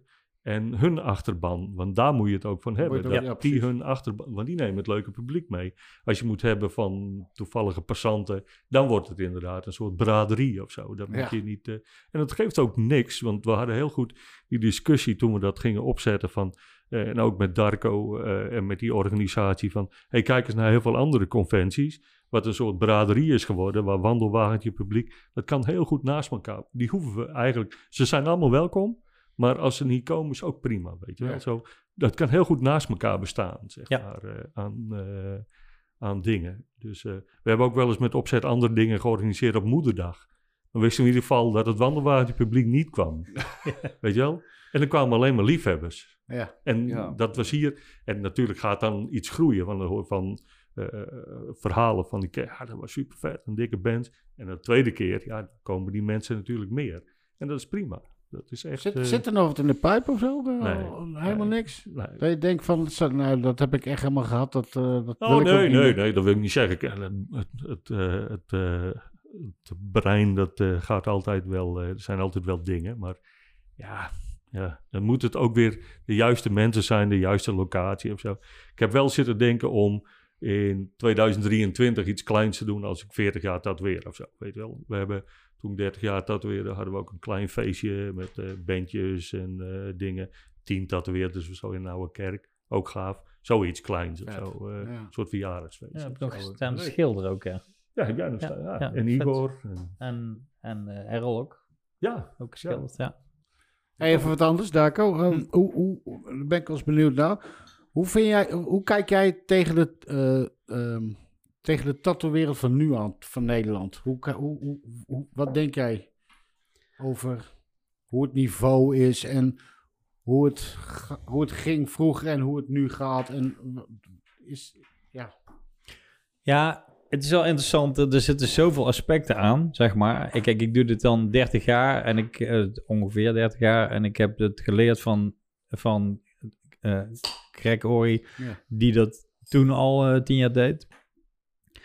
Eh, en eh, ja, toen waren er in Eindhoven gewoon niet zo heel veel tatoeëerders, weet je wel. Eh, en dat was bij elke stad waren er één of twee of drie. En eigenlijk ja, er was helemaal geen concurrentie onder of zo eigenlijk. En dat, dat ergens is het natuurlijk ook zo dat je dan een beetje arrogant van kan worden, zeg maar, om het zo maar te zeggen. Nou zitten er in elke, in, in elke stad gewoon zeker 30 en dan nog een zootje thuis. Ja. Ehm, en en, en mijn, mijn maat, mijn maat eh, die in reclame werkt, die noemt het eh tattoorettes, zeg maar. Ik kan even naar, de ta- tattoo- even naar de om aan te geven dat het een soort van een halve supermarkt of een, of een, weet je, een soort boutique-achtig dingetje is. En, en alle eh, gevaarlijke randjes er een beetje van af zijn, eh, voor een groot gedeelte. Want dat is natuurlijk ook niet overal zo. Ehm, ik denk dat, zeg maar, het verschil tussen een goede tatoeëerder en een slechte tatoeëerder is kleiner geworden. Zeg maar, de, de mindere tatoeëerders zijn wel beter geworden. Er is veel meer eh, beschikbaar. eh, programma, tv-programma's waar toch informatie en daar kom toch, je toch iets wijzer van, zeg maar. Ook al ben ik daar, ja, vind ik... Ja, tattoo-programma's over, over tatoeages, als het over tatoeages gaat, vind ik best leuk. Maar ze moeten niet die mensen net laten doen of ze een toneelstukje gaan spelen. Ja, Want dan ja, moet je het weer niet laten acteren. Daar vind ik niks aan. Maar, Maar ik bedoel te zeggen, dus, en de, de spullen zijn beter geworden, alles beter te, eh, te verkrijgen. Ehm, eh, het is wel interessant, weet je wel, je, je kunt het hebben over wat mensen nu willen. Hè, aan tatoeages wat ze laten zetten, wat eh nieuwe mensen willen allemaal kleine frutseltjes en, Ja, eh, en hele, eh, hele fragiele tattoetjes of zo. Maar het is heel leuk om over te hebben hoe dat in de verloop van de tijd, hoe die mode is gegaan. Snap je, hiervoor wouden ze een waterverf tato en daarvoor wouden ze, ehm, weet ik veel, wat zat daarvoor? Eh, ja, je hebt die watercolor. Ja, heel veel. Ja, vroeger had je die tribal. Dat is toen. Maori. Is dat even mijn Ja, oren geworden, ja, inderdaad. Ja. Alleen al het, het feit dat toen die tribal heel erg inkwam, dat niemand iets wou met betekenis. Nee, Die zei dan, ja. hey, stel je voor dat ik naar Borneo ga, dan moet er niet staan dit en dat, weet je wel. Ja. En nu heeft en alles- is dit Ja. dat- super Maar- maar- grappig om te zien. Maar zoals Ja, jullie, ja, hè? wel, ja. Ik bedoel te zeggen dat iedereen eh, heeft, Sorry. elke, nee, dat maakt niet uit, elke nieuwe generatie heeft zoiets van, ik wil iets anders dan die vorige golf, zeg maar, of zo. Ja. Snap ik wat ik bedoel? Dit die kleine nieuwe dingetjes, weer niet waterverf. En die waterverf was het niet. Dus, dus mensen willen al, hebben altijd het idee van ik doe iets apart. Ja, Maar uiteindelijk nemen ze dan toch allemaal hetzelfde. Ehm, en eh, met dat het populairder wordt, dat meer mensen. Dat is wel mijn, trouwens mijn theorie. Eh, heel vroeger kon je gewoon niet veel ontwerpen kiezen. Kon je gewoon kiezen tussen een zwaluw en een adelaar. En eh, als je geluk is, dat er een indiaan bij. En niet groter en niet kleiner. Dat Nee. is wat je krijgt. Ja, nou, Ja. daar zijn er dus weinig mensen die zich daardoor aangesproken voelen, omdat er maar één soort ontwerp bestaat. Naarmate zeg maar, mensen zoals ik in, als van de kunstacademie of zo eh, ehm, meer soorten ontwerpen kwamen, dus dat er meer mogelijkheden eh, ontstonden om te kiezen, spreken ook meer mensen aan. Snap je wat ik bedoel? Ja, 100%. Ja, Ja, dus op een gegeven moment is het alles, alles mogelijk. Alles wat je op internet ziet kun je nou laten tatoeëren. Elke foto, elke... Dat kan allemaal. Nou, eigenlijk is het dan, denk je niet, dat- denk, vind je niet dat er een beetje creativiteit ontbreekt dan, of niet? Nou ja, het ligt een beetje aan wel- waar je kijkt. Het is gewoon, ik zie dat de, laten we zeggen dat de basis, als het een piramide is, hè, als je hier uh, Sailor Jerry hebt en nou, dat is steeds breder geworden en inmiddels is die basis enorm breed met heel veel mensen die gaan, die willen tattoos en, wil, die, en, en die zijn er gaan tatoeëren. Ja. Eh, dus ja, dan logischerwijs zitten er dan meer, of meer mensen bij die minder toegewijd zijn. Snap ik bedoel? Ja. Dat het veel gemeleerder is. Ehm, maar ja, goed. De, de mensen die ik geleerd... Dus net als Vincent Penning bijvoorbeeld... of Madeleine ook kan, kan ik vertellen... die hebben mij, bij mij geleerd... waren, kwamen bij mij als jonge mensen. Dat zijn echt hele toegewijde mensen. Wat het wel is... en dat vind ik een heel interessant eh, gegeven... Kijk, mijn shop heet Oneness Tattoo. Ik weet niet of jullie weten wat het woord betekent. Het betekent dat alles op een bepaald niveau één ding is. Eén ding. Dus wij zijn allemaal individuele tatoeëerders. Wij allemaal fuck the world. En eigenlijk ook fuck die andere tatoeëerder. Want we hebben eigenlijk niemand anders nodig dan onze klanten. Ja. Ik heb jou niet nodig, hè? Ja. Ik kan gewoon lekker tatoeëren. Al praten we nooit. Prima.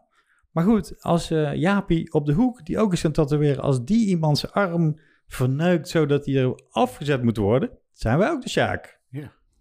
Dus op dat niveau zitten we wel allemaal aan elkaar ge- gelinkt, zeg maar. En eh, ja, dus als er meer bijkomen en er zit meer gruis bij, of om het zo maar even eh, vriendelijk Ja, te zeggen, eh, dan is er voor ons allemaal meer risico.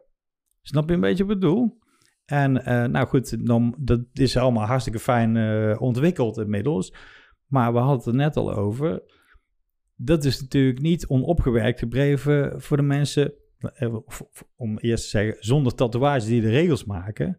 Die denken, weet je, die zien Ja, iemand met een Ja. zwarte arm lopen. En denken, oh mijn god, is dat medisch wel verantwoord? Nou, die denken ja. zo. Die zien die Mm. zwarte arm en die denken, kan dat nog wel ademen? Of weet ik veel wat die rare... Maar die hebben niet, misschien niet in de gaten dat het er gewoon shocking uitziet. En dat ze dat voelen en dan er zorg bij maken met hun medische hoofd. Maar dat... En die gaan, weet je wel, die denken, ik werk bij een medisch eh, bedrijf, ook werk bij de GGD of zo. Dan ga ik ze even uitzoeken. Kunnen we daar niet, even, moeten we daar geen eh, rem op zetten? En dat is zo wat Ja. er nu aan de hand is. Daar willen we dus nou even heen. Dus Ja. dat is waar we, waar we eigenlijk heen gaan nu. Dat is dus de blauwe en de groene pigmenten. Dat ze dat er Ja. vanaf willen. De rood en de geel zie jij, Rinto? Nou, de, sommige rode en gele, die waren natuurlijk al een, een tijd op de schop. Hè. Die zijn al jaren geleden al zijn die, eh, aangepast. En die worden nog een keer aangepast. Dus de kwaliteit die je nu hebt, wordt eh, nog eh Het wordt er minder op allemaal. Ja, want zo of minder is de vraag, maar waarschijnlijk wel. Want ze moeten een alternati- alternatief zoeken, zeg maar. En ik denk inderdaad ook met wat Darko zegt, hè, dat eh, het, het wordt gelijk getrokken met de eh, cosmetische industrie. Die zitten helemaal niet te wachten op houdbare pigmenten, zeg maar. Die willen al die eh, cosmetische en die haarverven en whatever. Ja, dat moet er gewoon na een maand weer uit, want die moeten een ander kleurtje. Dus die zitten echt niet te wachten op op goede pigmenten. Dus ten eerste zou het daar los van moeten, zeg maar. Dat het Ja. als een... eh, het zou los moeten van eh, PMU, zeg maar. Eh, Permanent make-up. ja, daar zou het echt eh, los van moeten. Dat is Eh, echt iets anders ook. Die ja. gebru- gebruiken bijvoorbeeld, eh, hoe heet het, biodegradable, biologisch afbreekbare inkt, zodat dat, Ja. dat wordt eh, afgebroken, door je lichaam verwerkt, omdat ze dat dan kunnen blijven doen. Maar dat is niet Ja. echt niet... Hele andere pigmenten. Ja, maar voor de overheid is wordt het wel eh, pigmenten. gezien als hetzelfde. Eh, wat denk ik ook een, een, een, niet alleen die zwarte arm, maar ook een, een probleem is. Ik, vroeger had je de underground, was underground. Nu is de underground niet anders. Dus je ziet al die mafkezen die zich helemaal vol laten knetteren met de meest waanzinnige tattoos. Die staan meteen op Instagram als je opent. Dat zien zij ook, weet je wel. Ja. dus die uitwassen zijn groter. Dus de groep die zich laat tatoeëren is vele malen groter dan toen. Dus de mensen die er spijt van gaan krijgen, is ook vele malen groter als groep. Dus dat, daar zit natuurlijk... eh, en dan komt er het moraalridderverhaal om. Van ja, daar moeten wij misschien iets tegen doen. En laten we die mensen helpen, bla bla. Weet ik veel wat de achterliggende gedachte is. Ehm, maar ja, de komende tijd eh, wordt het er niet leuker op, eh, zeg maar, om, eh, om tattoos met Maar, je- kleur- maar jullie, jullie zijn gek op kleuren met tatoeëren? Yes. Verga- Vergaat de wereld dan of niet? Nou, klein beetje.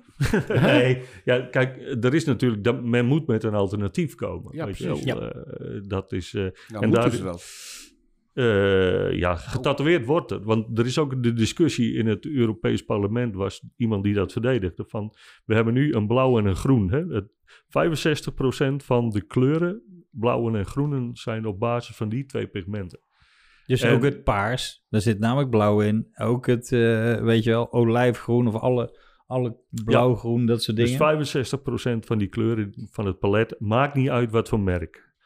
Eh, maar waar ze wel, wat, wat hij verdedigt, die staan op een witte lijst. Dus daar is niks mee aan de hand met die pigmenten.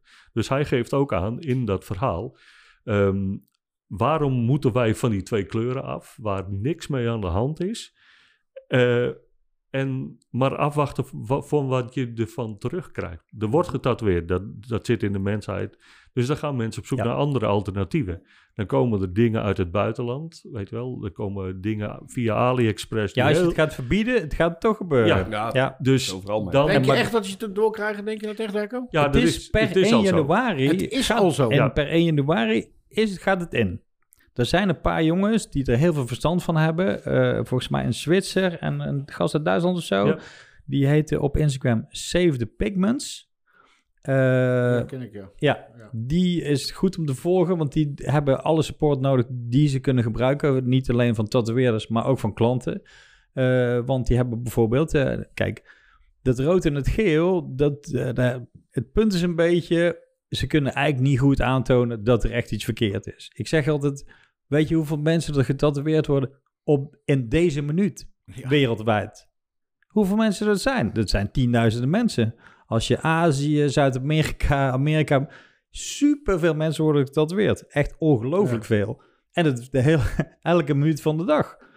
Ehm, dat daar geen slachtoffers bij gevallen zijn, al, al, al weet ik veel hoe lang, dat, dat spreekt voor het tatoeëren. Snap ik wat ik bedoel? Dat er ooit iemand wat overgevoelig voor is, of weet ik veel wat, dat is allemaal best wel te overzien. Eh, maar ze hebben nog niet aangetoond dat je er kanker van krijgt. Als er namelijk, als een tegenstander van de tatoeages iemand gevonden had die eraan overleden is, dan hadden ze maar aan een auto gebonden en heel de wereld overgesleept. Hier is hij, weet je wel, dat is jullie schuld. Want dat is het ultieme ding. Als je, als je die een in handen hebt, dan kun je dat mensen invrijven. En eerlijk is eerlijk, als er, als er iemand doodgaat door het tatoeëren, dan heb je mijn aandacht. Dat Ja. wil ik niemand aandoen. Precies. Ehm, maar eh, dat rood en het geel, ze zeggen dat daar eventueel eh, alternatieven voor te vinden zijn die minder schadelijk is. Dat blauw en het groen, daar zijn geen alternatieven voor. Dus daar zijn die jongens echt heel hard mee bezig met het blauw en het groen beschermen, zeg maar. Die hebben dat aangevochten op Europees niveau. Eh, dat is nog aan de gang. Ik probeer het een beetje te volgen, maar dat is half in het Duits, half in het Engels, soms een beetje verwarrend.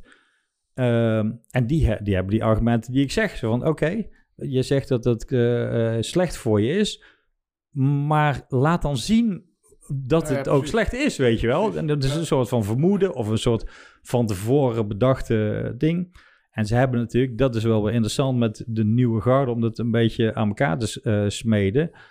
Die nieuwe garde hebben daar niet zo heel veel mee te maken. Jij zegt, ja goed, ik doe, wij doen niet zo heel veel kleuren tattoos. Dat geldt Nee, voor een hoop... gebeurt het niet Ja, zoveel in de shop. Het geldt voor een hoop Helaas. mensen. Maar als je mensen, bijvoorbeeld hè, Molly en Dikke Dennis waren hier. Molly wist te vertellen dat over toen er de predispersed kleuren uitkwamen, dat er werd mee getatoeëerd. Dat pakte helemaal niet lekker uit. Dat moest je verdunnen, maar dat wisten mensen niet. Eh, al die dingen, die zijn door trial and error door de tatoeëerders zelf uitgevonden. Ik sprak met mensen, bijvoorbeeld Rob Deut is een goede vriend van mij, een meester tatoeëerder ook, en een geweldige mens. Eh, die, hij zei, ik was een tatoeëren en het, eh, ik, ik doe de krant open en er stond, van tatoeëren kan je aids krijgen. Hij zei, nou, Dat is lekker. toen eh, hield de telefoon wel een eindje stil de komende weken. Dat was helemaal niet waar, maar dat stond wel in de krant. Ja, maar wel een probleem dan. Wij allemaal. Ja, goed, het punt is dat als tatoeëerder, dat, daar wo- daar word je helemaal niet meegerekend, weet je wel. Dus je moet zelf uitpluizen, is dat zo, is het niet zo? Hoe werkt dat dan? Eh, is dit overdraagbaar? Hoe is dit dan overdraagbaar? Maar goed, wij werken daarmee, wij hebben daar verstand van. Als je dat, dat een tijdje doet en je verdiep je erin, dan heb je er verstand van. Dus als je tien jaar, twintig jaar denk je, oh, wacht even, dat ga- dat kan niet anders dat je erover nadenken. Nieuwe mensen die zo'n ding van AliExpress halen, die denken daar niet zo goed over na. Weet je wel, dat, die zien het op tv en er wordt nooit over geluld. Dus eh, voor hun is dat een stuk eh, moeilijker om te bevatten, zeg maar. Eh, daar is denk ik wel een... hè, maar, maar dus zoals ik zeg, als die een fout maken in hun onwetendheid, die zal ze nergens schuld voor geven. Maar dat kan ons allemaal echt verneuken. Ja, dat, precies. En ik heb nog wel, als je het leuk vindt, een mooie conspiracy over de Nederlandse overheid en het tatoeëren.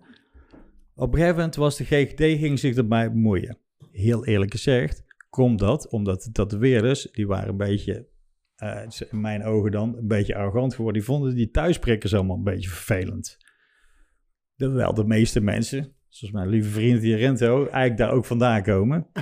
Maar eh, die was dan zoiets, ja, die thuisprikkers, en dat mag allemaal niet. Dus die zijn bij de overheid aangekloppen. Dit was nog nooit eerder gebeurd. Dat weer, dus het klopt niet bij de overheid aan. Niet voor subsidie, niet voor stagiaires. What the fuck, nee toch? Nee. Nou, dus hun gingen dat wel doen. En toen kreeg de overheid de voet tussen de deur. Die zeggen, oh, willen jullie een stukje binnenlaten? Nou, mooi. Dan gaan we jullie controleren, want dat is de manier waarop we dat... Dat wil je toch? Nou, daar is een heel programma over. Een van de dude bij de GGD. Volgens mij was het in Groningen of in Amsterdam. Amsterdam, denk Ja. ik. Amsterdam was de eerste. Die dacht, eh, ik ben de vaandeldrager die het weer op zijn knieën gaat brengen. En eh, die hebben een rapport samengesteld. Ik weet niet, ik weet niet of je het rapport ooit gelezen hebt. Daar staan dingen, die hebben gewoon van de afgelopen 30 jaar... alle, alle verschrikkelijke dingen over heel de wereld, alle incidenten verzameld. Weet je, die hebben een verhaal van uit de jaren 80 dat iemand ergens eh, diep in het Oostblok ooit een keer met autolak had getatoeëerd bijvoorbeeld. Nou, het is verschrikkelijk, maar dat is maar één keer voorgekomen. Maar dat staat in het rapport. Een vriend van mij zei, leprosy, Darko, die talking about leprosy. Die krijgt er lepra van. Want dat hadden ze dan uitgevonden dat een of andere lepra-stam in India, die hadden dus al bij lepra en, die, en die, dat was dus met tatoeëren ook een soort van overdraagbaar. Ik weet verder niet eh, of het allemaal lekker hygiënisch ging, daar, eh, maar ik heb zo mijn vermoedens. Dat krijgt ze eigenlijk wel de hele eigen wereld dan. Maar dat stond in het rapport. Ja. En het punt is natuurlijk, dat dan staat er moord en brand, tatoeages. En zo staat het in de krant. Snap je?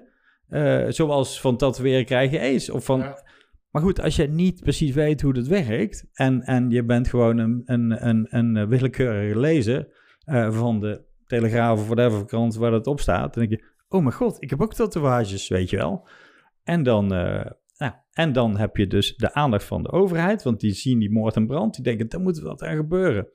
Maar die hebben helemaal niet de schaal waarop dat gebeurt... of dat het hier ook aan de hand is... en welke regels wij allemaal hanteren... dat die daar niks mee te maken hebben... dat hier niemand met autolak uh, tatoeëert. Dat heeft er niet mee te maken. Maar zo krijgen die mensen die regels er doorgeduwd. Uiteindelijk, om de conspiracy Ze hebben het eigenlijk zelf gedaan. Ze hebben er eigenlijk zelf een eigen grafje gegraven. nou, ergens wel, want, want je, kunt, je, je kunt zeg maar, als je zeg maar regels wil opleggen, dan kun je alleen aan geregistreerde stops opleggen. Klopt. Je kunt niet bij iemand aanbellen, en zeggen, ding dong, tatoeëert u hier, mogen eens even rondkijken? Dan zegt hij nee en dan mag je niet naar binnen. Ja. Dat, hebben- ze hebben geen ons- opsporingsbevoegdheid.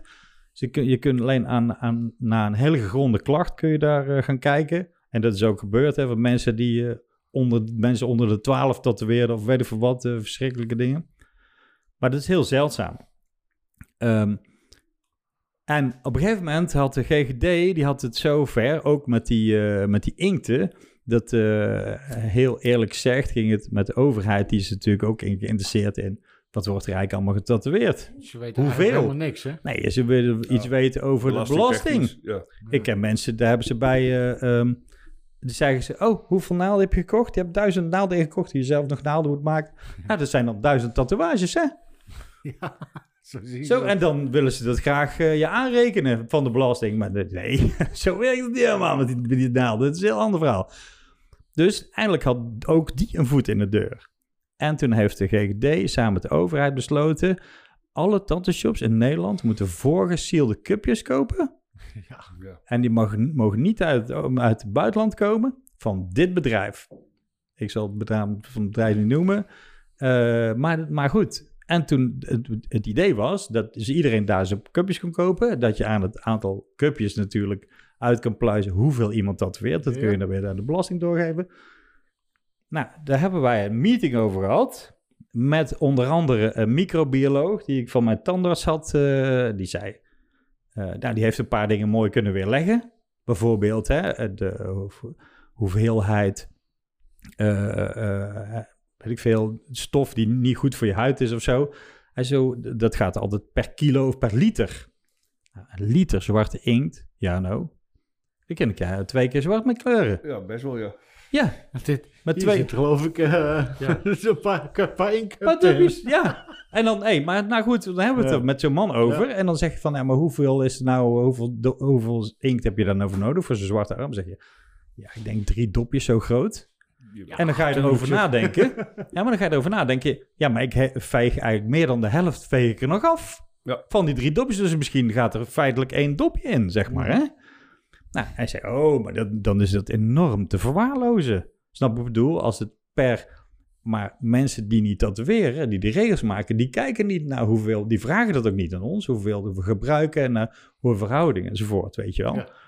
Ja. al die dingen, eh, uiteindelijk hebben we dat kunnen bevechten door te zeggen, ja, maar je kunt, de overheid kan ons niet verplichten om dat ene bedrijf die ze al 150.000 euro subsidie hadden gegeven om die Ja, te laten precies. maken.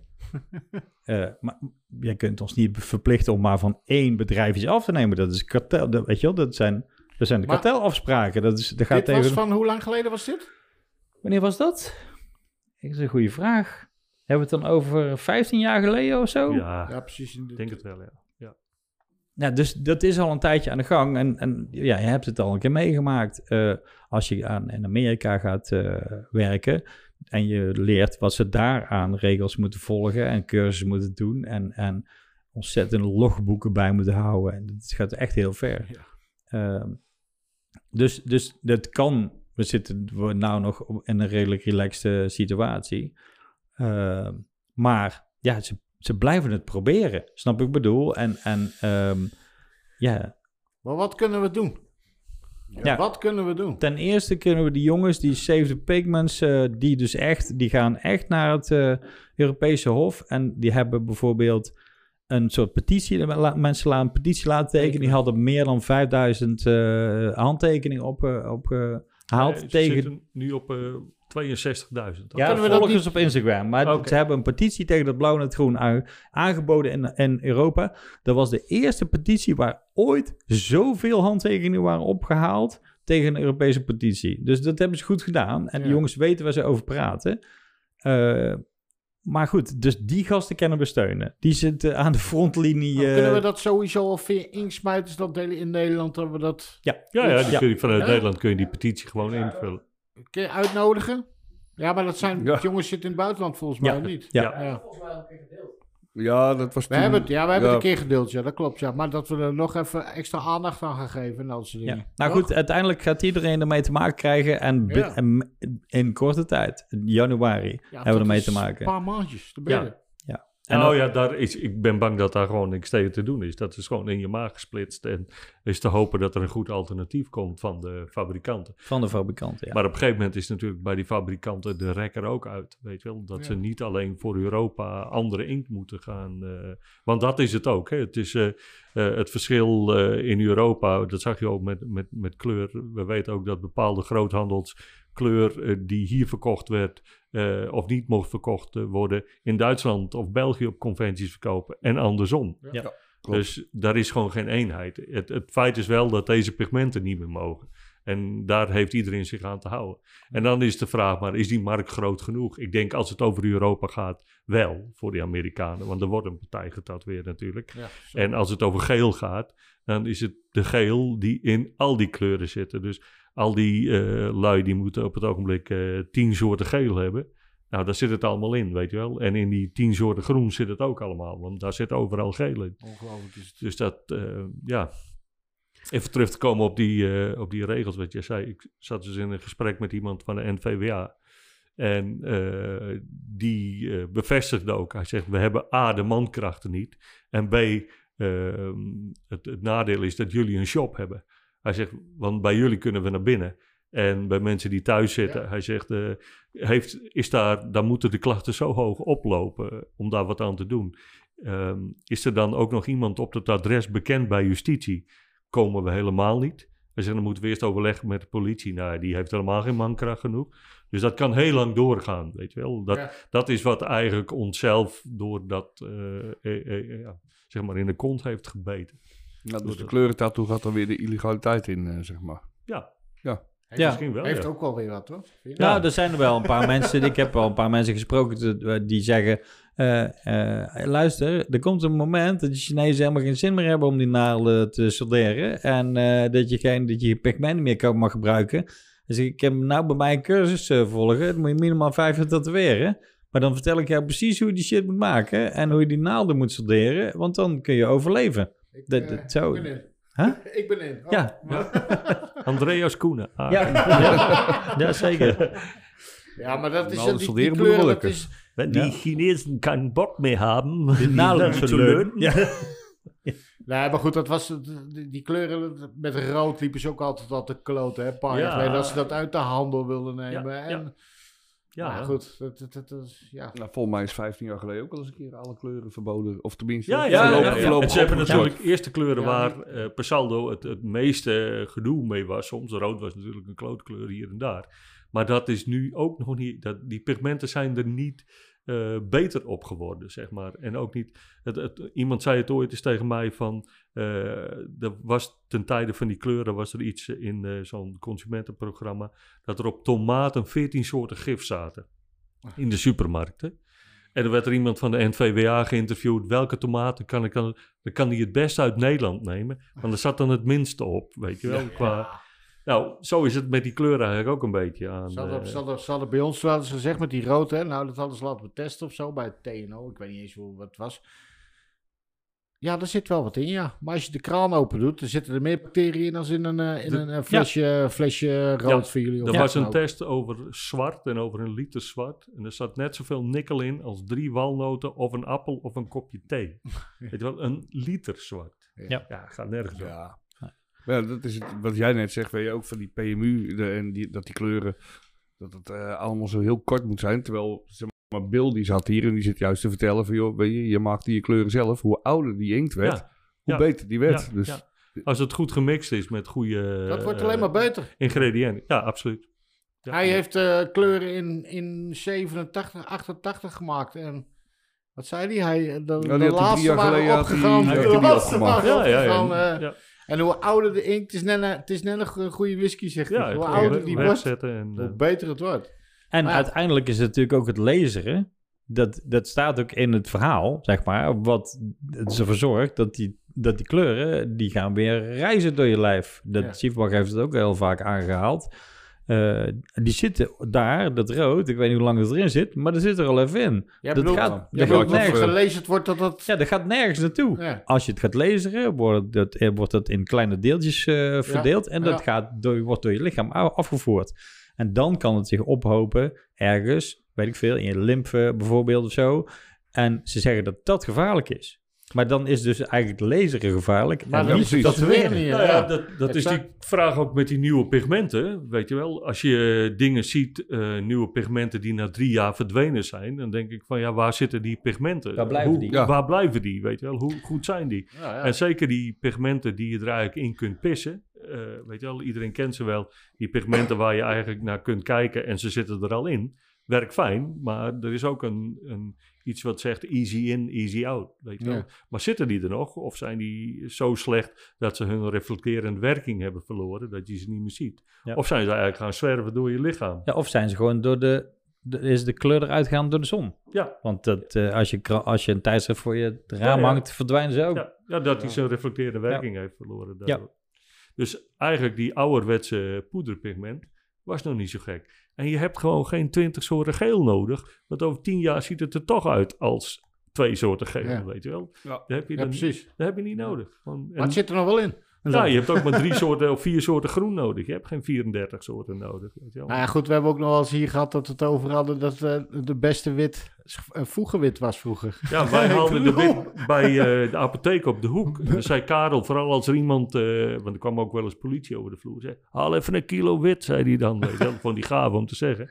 En haal ik een kilo wit bij de apotheek. Maar dat was eigenlijk het beste wit, want ik heb laatst nog iets teruggezien. Het was 35 jaar oud en er zat het Dat wit er nog steeds in. Ja, maar en we hadden een zak, die was, eh, ik denk zo'n hele grote papieren zak, net zo'n cementzak. En er zat bruin in. En die hadden we gewoon achter in de show. Die heb ik per ongeluk een keer omgeschopt. en toen is daarna gewoon twintig jaar lang die vloer bruin geweest, zeg maar. Het was de beste bruin Ja. ever, weet je wel. ehm. Hebben jullie, heb, jij, heb jij er ook mee gewerkt, hè, Darko, met die eh, eigen, eigen gemaakte? Nee, nee, Nee? nee, nee, nee. ik ben, wat ik zeg, ik ben niet zo'n, eh, zeg maar, qua techniek en materiaal, dat ben, ik, ik ben eigenlijk vooral, ja, je zei het zelf al, ik ben vooral met het ontwerpen en het tekenen en dat soort dingen bezig. Met, eh, oké, als het tattoo, als ik die zet en, en zit er nog geen kleur in, of alle kleur gaat eruit, dan moet die toch nog overeind blijven, zeg maar. Of zo. Ja. zo dat is een beetje, en dat probeer ik, zeg maar, ontwerptechnisch op te lossen. Dat is een beetje hoe ik eh, daarover denk. Ben jij, eh, ben, jij, eh, ben jij tatoeëerder of ben je kunstenaar? Zo. Ja, ik muzikant, horen we Nee, vanavond ja, ook. muzikant, nee, dat ben ik echt niet. Ik zeg altijd, ik speelde de zanger. Ja, Oké, dat speel je dan? Ik speelde de zanger. Dus ik kan niet zingen, maar ik kan het net doen of ik de zanger ben. Mm. Eh, dat maar doe ik ook elke dag. in ieder geval, eh, ik vind kunstenaar een beetje, en, ja, vind ik niet zo'n fijn woord, zeg maar. En, en, eh, Omdat? Ja, weet ik niet. Ik heb op de kunstacademie gezeten en eh, ja, ik weet niet als ik daar gediplomeerd afgekomen was.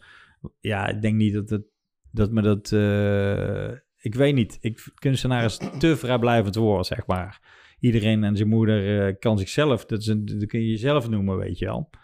Tatoeëerder. En dat doen ze ook. Iedereen in zijn Ja, moeder. nee, ja, precies. Dat, als je twee... we hebben eh, het wel over dat er zoveel tatoeëerders bijgekomen zijn. Maar het is niet alleen onze vak. Hè? Ja. Kijk eens, fotografie, grafisch ontwerp. ja. Iedereen is kapper, iedereen is fotograaf, iedereen is eh, webdesigner. Levenskunstenaars Ja, heb je tegenwoordig. hè? Levenskun- Levenskunstenaars. Ja, dat vind, ik, dat vind ik wel... gewoon... Nou vind ik het wel een kutwoord. Dan doe je gewoon waar je zin in hebt. Ja, maar dat heb ik met- kunst. Mensen die zich tattoo-artiesten, weet je wel? Ja. Dat vind ja, ik ook er zo'n... zijn toch wel... eh, Ja, ik heb mensen die daar dan zeg maar... eh, Ik, ik, mensen die zeggen, ja, je hebt tatoeëerders en je hebt artiesten. Nou, dat, er is wel een verschil tussen Ja, die klopt. twee mensen. En, en eh, ik, moet wel eerlijk zeggen dat ik eh, naast... Ik doe tatoeëren, ik, dat is verschrikkelijk verslavend voor mij. Eh, dat vind ik zo fantastisch en, en, en dus zo fijn om daarmee bezig te zijn. Ik hou heel erg van mensen. Dus eh, ik ben niet de kunstenaar die eh, echt achteraf in zijn atelier in zijn eentje zit te ploeteren. Snap? Ik, wil- ik wil Mhm. echt met mensen werken. Ik vind het ook geweldig om iets voor iemand te maken. Als ik in mijn eentje mijn eigen neuspulk moet naschilderen... omdat ik verder geen flikker te doen heb... daar word ik ongelukkig van, denk ik. Maar, maar als jij komt en je zegt... ah, ik wil dit, en dan denk ik... yes, ik kan van Jan of ik gave Ja, gozer... en dat, daar kan ik me in inleven. Dat is een beetje mijn... eh, daar hou ik van. Eh, dus ik ben geen autonome kunstenaar. Maar ik moet wel zeggen, ik moet wel buiten dat weer ook dingen schilderen. En dat, zit er al. Ik teken al heel mijn leven. Dus dat zit er zo in. Dat, eh, dat kan ik ook gewoon niet laten. Met, met schil, heb, als, je, als je schildert, heb je daar wat in de tatoeëren, eh, met tatoeëren aan? Eh, dat je merkt van, oké, dit met kleuren, weet je wel, ik bedoel, je met kleuren speelt of wat dan ook. Ik bedoel, Nou, als ik iets eh, eh, schilder, en met name zeg maar met olieverf schilder, dat, dan schilder ik naar de, naar de waarneming. Dus naar iets wat bestaat. Dus, eh, een, een, een portret of een stil leven of dat soort dingen. Eh, dat is gewoon eh, realisme, zeg maar. Maar dat spul is zo anders dan tatoeëren. Het, het materiaal, zeg maar. Daar kun je Ja. heel andere dingen mee. Ehm, maar eh, ja, voor mij is het wel allemaal één ding. Komt Ja. het weer, hè? De one is. Eh, dat, dat is één bol, één kluwe, zeg maar, of zo. En dat, dat is, ja, toch... Maar het is een heel ander soort vormgeving. Het is heel ander, weet je wel. En ik schilder natuurlijk ook tattoo-achtige dingen. ja, Weet je wel, met lijnen en draken en dat soort dingen. Dat vind ik ook prachtig. Maar dat is een heel ander... Maar, maar eigenlijk is het een beetje raar, want ik, ik kan eigenlijk niet zo goed kiezen. Dus ik, heb, ik maak ook eens een graffiti. Of, of, of eh, ja, en van alles. Zwart, zwarte tekeningen, stripachtige dingen. eh de shirts ontwerpen, eh, weet ik veel wat. Ik, dat, eigenlijk doe ik... Gewoon creatief, heel erg Ja, ja, creatief. maar, ja, ja, het schiet niet zo op, want het is heel makkelijk. Als je één ding doet, dan kun je dat heel makkelijk... Weet je wel, dan zit je op de scroll op Instagram. Oh, daar heb je hem weer. Oh, daar heb je hem weer. Weet je wel, bij mij is het zo breed en, en gaat alle kanten in. Zelfs qua tato's, zeg maar. Ik maak ook wel eens een realistische tato of zo. Ja. Dat vond ik wel leuk, want eh, Rick, Rick Scholte, die hier laatst was, dat is ook zo'n eh, zo'n allrounder. Ik ben ook wel zo opgegroeid, hè. Eh, Greg, die zei altijd, ik vind het raar om Greg te noemen, maar ik blijf het ook doen. Ehm, die zei altijd, iedereen met vel en geld het recht op tato's. Ja. Dus gewoon wie er door de deur kwam, maakt niet uit wat je wou. Wil je een dolfijntje, wil je een portret? Dat was gewoon allemaal voor mij om te maken, zeg maar. Ja. En nou, dat, zo Maar ben ik er doet- ingerold. dat doe je ook nog steeds. Je maakt alles. Ja, in principe. Ja, ik doe wel veel verschillende dingen. Ja, ja, ja. Het moet, moet wel interessant zijn. En, en, eh, maar ik, ja, ik ben wel... Ja, ik hou wel van, van een uitdaging, zeg maar, of zo. Dat zeggen klanten ook altijd, hè? Als iets onmogelijk is, maar zie je het als een uitdaging. Ja. Maar Ja, heb, jij, jij- heb, jij, jij- heb- jij bent- heb jij dat ook gehinten dat je alles maakt? Of, Nee. eh, nee? Nee, niet meer. Niet meer. Nee, in het begin maakten we wel alles. eh, maar toen waren er natuurlijk ook niet zoveel tatoeëerders. Ja. En Ja. het publiek is zo divers. Dus heel veel dingen heb ik ook niks mee, weet je wel. Qua, eh, en dan kan ik me er wel toe zetten, maar het wordt nooit zo tof als iemand die daar helemaal in zit, weet je wel. Als ik een eh, mandala iets eh, zou moeten maken, ja, dat is niet mijn ding, weet je wel. Dan Ja. kan ik beter iemand zoeken. Dan kunnen ze, die mensen zijn beter af als je naar iemand gaat eh, die dat wel maakt. Ja. En er is zoveel publiek om getatoeëerd te worden, dus die wachtlijst zou alleen maar enormer worden als je alles aanneemt. Ja, want als ze zien op een gegeven moment dat je dat doet, weet je wel, Ja, dan, ja, dan, ja, komen er weer mensen daarvoor. En dan Het is komen... heel goed. Ik, bijvoorbeeld tribal dingen deden we vroeger veel. Maar ik heb een, eh, een jaar of wat geleden een hele goede vriend van mij heb ik een soort Borneo Tahiti arm gedaan, weet je wel. Alleen omdat het een goede vriend van mij is. En dan stonden we een keer op zo'n feest en staat een hele dikke biker en die zegt, dat is mooi. Wie heeft dat gemaakt? Ik zeg, ik. Hij zegt, eh, dat wil ik ook wel. Ik zeg, dat kan niet. Ja, Hij zei, ja. waarom kan dat niet? Ik zeg, jij heet geen Benny. Ik zeg, het is alleen voor Benny, zeg ik zo, weet je wel. Ja. Zo heet jij niet, dus dat gaat gewoon Ja. niet, weet je wel. Zo van, dan moet je ook je eigen een beetje Ja, bescherming eh, nemen. Want ja, er zitten maar zoveel uren in een dag. En we hebben zoveel toffe klanten voor toffe dingen. ja, precies. Dus ja, Ja, het is ook een soort luxe eh, ja, een positie beetje een natuurlijk. luxe positie. Ja, Maar, je schuift ook wel eens af wat af erbij als je het niet ja, zelf ja, ik doet. schrijf ook wel. Ik had eh, Ja, ja, een tijdje dat. geleden kreeg ik nog eh, een berichtje van de Jansens, die hier ook eh, waren. En die schrokken daar een beetje van, of zo, die waren al verbaasd. Komt iemand voor een new school sleeve, weet je wel? Aardige dame, maar dat is niet mijn ding. En die wil echt die handtekening. En die ziet dat van die Jansens en die zegt, ja, dat is het. Nou, Dan is zo'n dame beter af om naar de Jansens Ja. te gaan, weet Ja. je wel? Ja. Dus eh, dat, eh, en ja, eh, tribal dingen, Borneo dingen sturen we meestal, of sturen we, maar zeggen we van, geven we gewoon een paar namen, daar moet je even gaan kijken. Ja. Wie het wil horen, hoort het en ja... En dan bellen ze wel eens op. Ik ben hier nou in uh, Kutkrabbeveen. Er zit ook iemand. Ja, heb ik dat gezegd dat je naar Kutkrabbeveen... nee, je moet naar IJmuiden Ja, of ja. je moet naar Eindhoven, weet Ja. je wel. Of waar dan ook maar. Ja, daar heb ik wel ook wel geleerd hoor. Net als zo Rob Deut en Jeroen Franken, er zijn toch goede vrienden van mij. En die, zit, die zijn zo, die leven dat zo erg. En die weten, dat is gewoon soort taal of zo. En die, die spreken dat vloeiend. Ja. En ja, de, ik, de, als ik, ik, ik heb met, met die mensen, naast die mensen gewerkt. Als ik dan, dan maar alleen maar probeer, dan begin ik al bijna te huilen. Omdat het zo, zo'n zielige poging is in vergelijking met hoe het, hun dat vloeiend eruit eh, slingeren. Ja, ja, ja. Ja, dan eh, heeft het gewoon geen zin meer. Dat echt... Wat het ook vaak is, zo van, weet je wel, eerst, vooral als het mensen zijn die je vaker hebt getatoeëerd, en dan heb je ook een soort verantwoordelijkheidsgevoel naar de klanten toe, en die heb je in het verleden vaak getatoeëerd. Maar dan, zeg, ja, dan toch is het beter voor die mensen. Ik had laatst iemand die wou dan een eh, super realistische sleeve, je kent met het duikertje en die dingen. Ja, dat is niet mijn ding. Dus ga dan alsjeblieft naar eh, Gerrit Beckman of zo. Die, die zit dichtstbij, no bullshit gast. En die maakt het tof. ja, en er is zo iemand die heeft eerst dan zo'n bakkers en ik, oh, oh. maar uiteindelijk krijgt hij wel de tattoo die hij wil of zo. Ga je, zou jij het eh, wel doen dan, Darko? Eh, nou, ik, ik zoek wel dingen die een beetje bij me passen. En, en eh, dus bijvoorbeeld eh, een Aziatisch, dus realistisch-achtig iets. Of een geisha of zo, dat zou ik wel doen. Ja, precies. Maar Maar, wat in je straatje ligt. Ja, ja Dus maar wat- natuurdingen of zo, dat, dat is niet, weet je wel, iemands hond of zo. Heel sporadisch, ik echt heel goed ken en al heel lang tot weer. Alsjeblieft, een hond is dood, ja, dat doen, want ik wil dat niemand anders doet.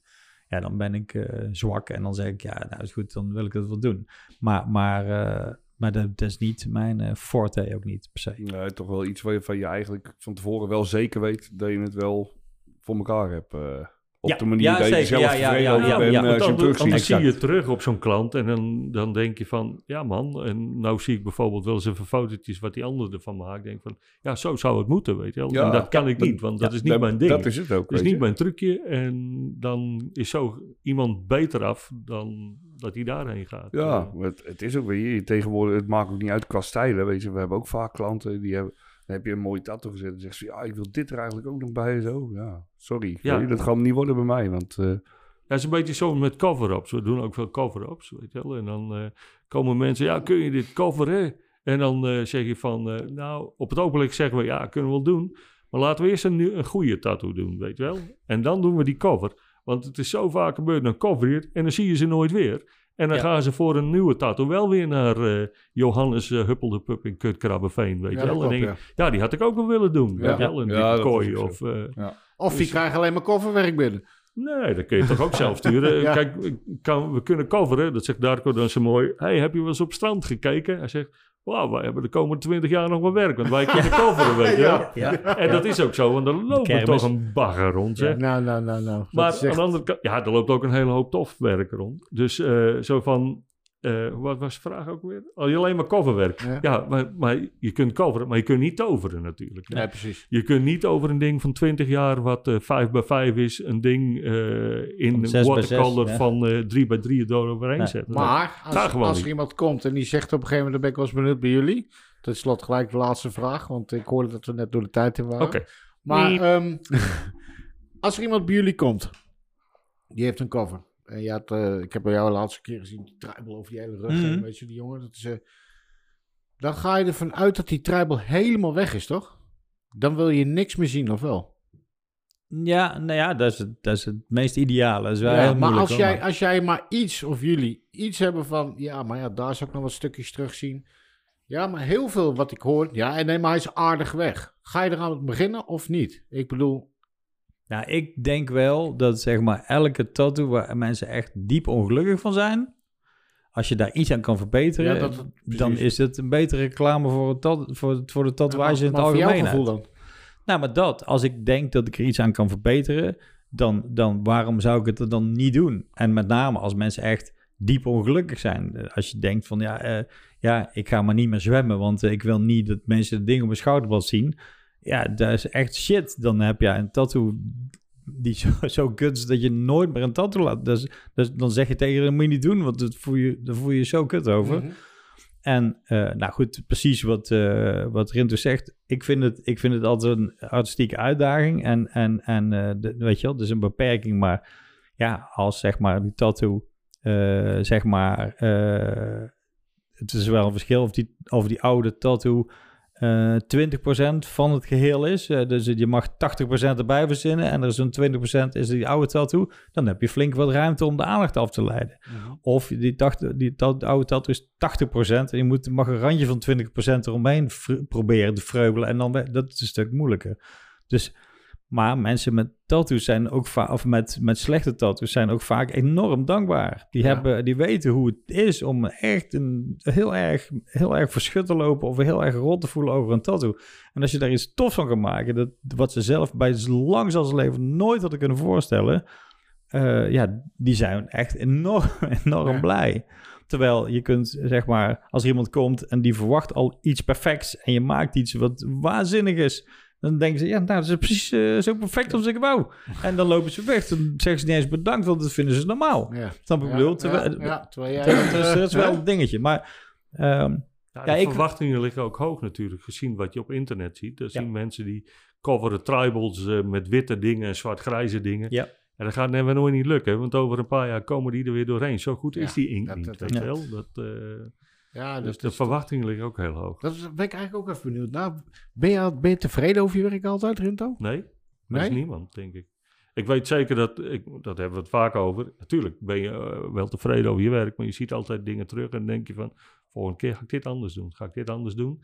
Dat heeft iedereen. Dat heeft Philip Leu ook. Ja, weet maar je als, wel? je- Ja. als je dat niet hebt, dan sta je stil. Ja, tuurlijk. Als je denkt dat je zelf het beste werk van de wereld maakt, dan zit je met je... Denk voor jezelf, groeien, groeien jullie elke dag voor jezelf nog? Of, of, of zit je, Eh, denk niet je van- elke dag, maar je hebt wel Nou ja, elke goed, dag maar- dingen. ja. eh, En ja, ik heb nog steeds wel het idee dat dingen groeien. Dat vind ik wel eh, na al die jaren wel fijn. ja, daar, daar heb ik ook. En ik moet wel zeggen, en dat is een beetje waarom we ook goede klik hebben. Ik, ik tatoeëer omdat ik het doen zo ontzettend geweldig vind. Ja. Hè, het ontwerpen en de verantwoordelijkheid en die mensen en al die dingen. Dat vind ik zo mooi. Ik tatoeëer niet omdat ik dan een dikke ring of een Rolex kan dragen. Ik, dat, er zijn ook mensen die dat wel doen, dat is prachtig. Maar zo zit ik echt niet in elkaar. Ik ben echt hoekt, hoekt aan zo vet mogelijk dingen maken. En dat, hebben wij wel meegemaakt bij hem, hè? Ja, nou, en eh, trouwens bij Rinto ook, met eh, tekenen, alles. En altijd op conventies tekenen. Dus wat dat betreft eh, hoef je Ah, ons ik niet omdat ik gewoon niks hoor. anders kan. is- Ja. Hey, Hebben wij nou dezelfde tattoo, Rinze? Wat zei je? Hebben wij nou dezelfde? Nou, voor Sjoerd. Voor Sjoerd, ja. Ja. Staat bij hier. Ik zit net te kijken. Ja, joh, die ken ik. Ja, hashtag eh, tattoo eh, machine. Woeden Enke was het, geloof ik. ja, hoe ja, ja. We moeten er, we moeten er een eh, eind aan maken, Jano. Ja, Ik, ik, die Save the Pigments. eh, Ja, Ja, Save the Pigments gaan we even doen. Ja. Jongens, het was voor ons echt een eer om jullie aan de tafel mogen hebben. Het was waar genoegen, maar Echt een uh, berengezellig. super bedankt daarvoor. Echt waar, wij waarderen het heel erg. Zeker. Ook voor de tattoo-wereld natuurlijk. En ehm, mensen, voor de luisteraars, vergeet even niet eh, te abonneren op Inksmijters. En, En- Save the Pigments. En Save the Pigments, wat wij even wat we gaan doen. Heren, mag ik jullie, mogen wij jullie heel erg bedanken. En Jenny natuurlijk, hè? Ja. Dus, eh,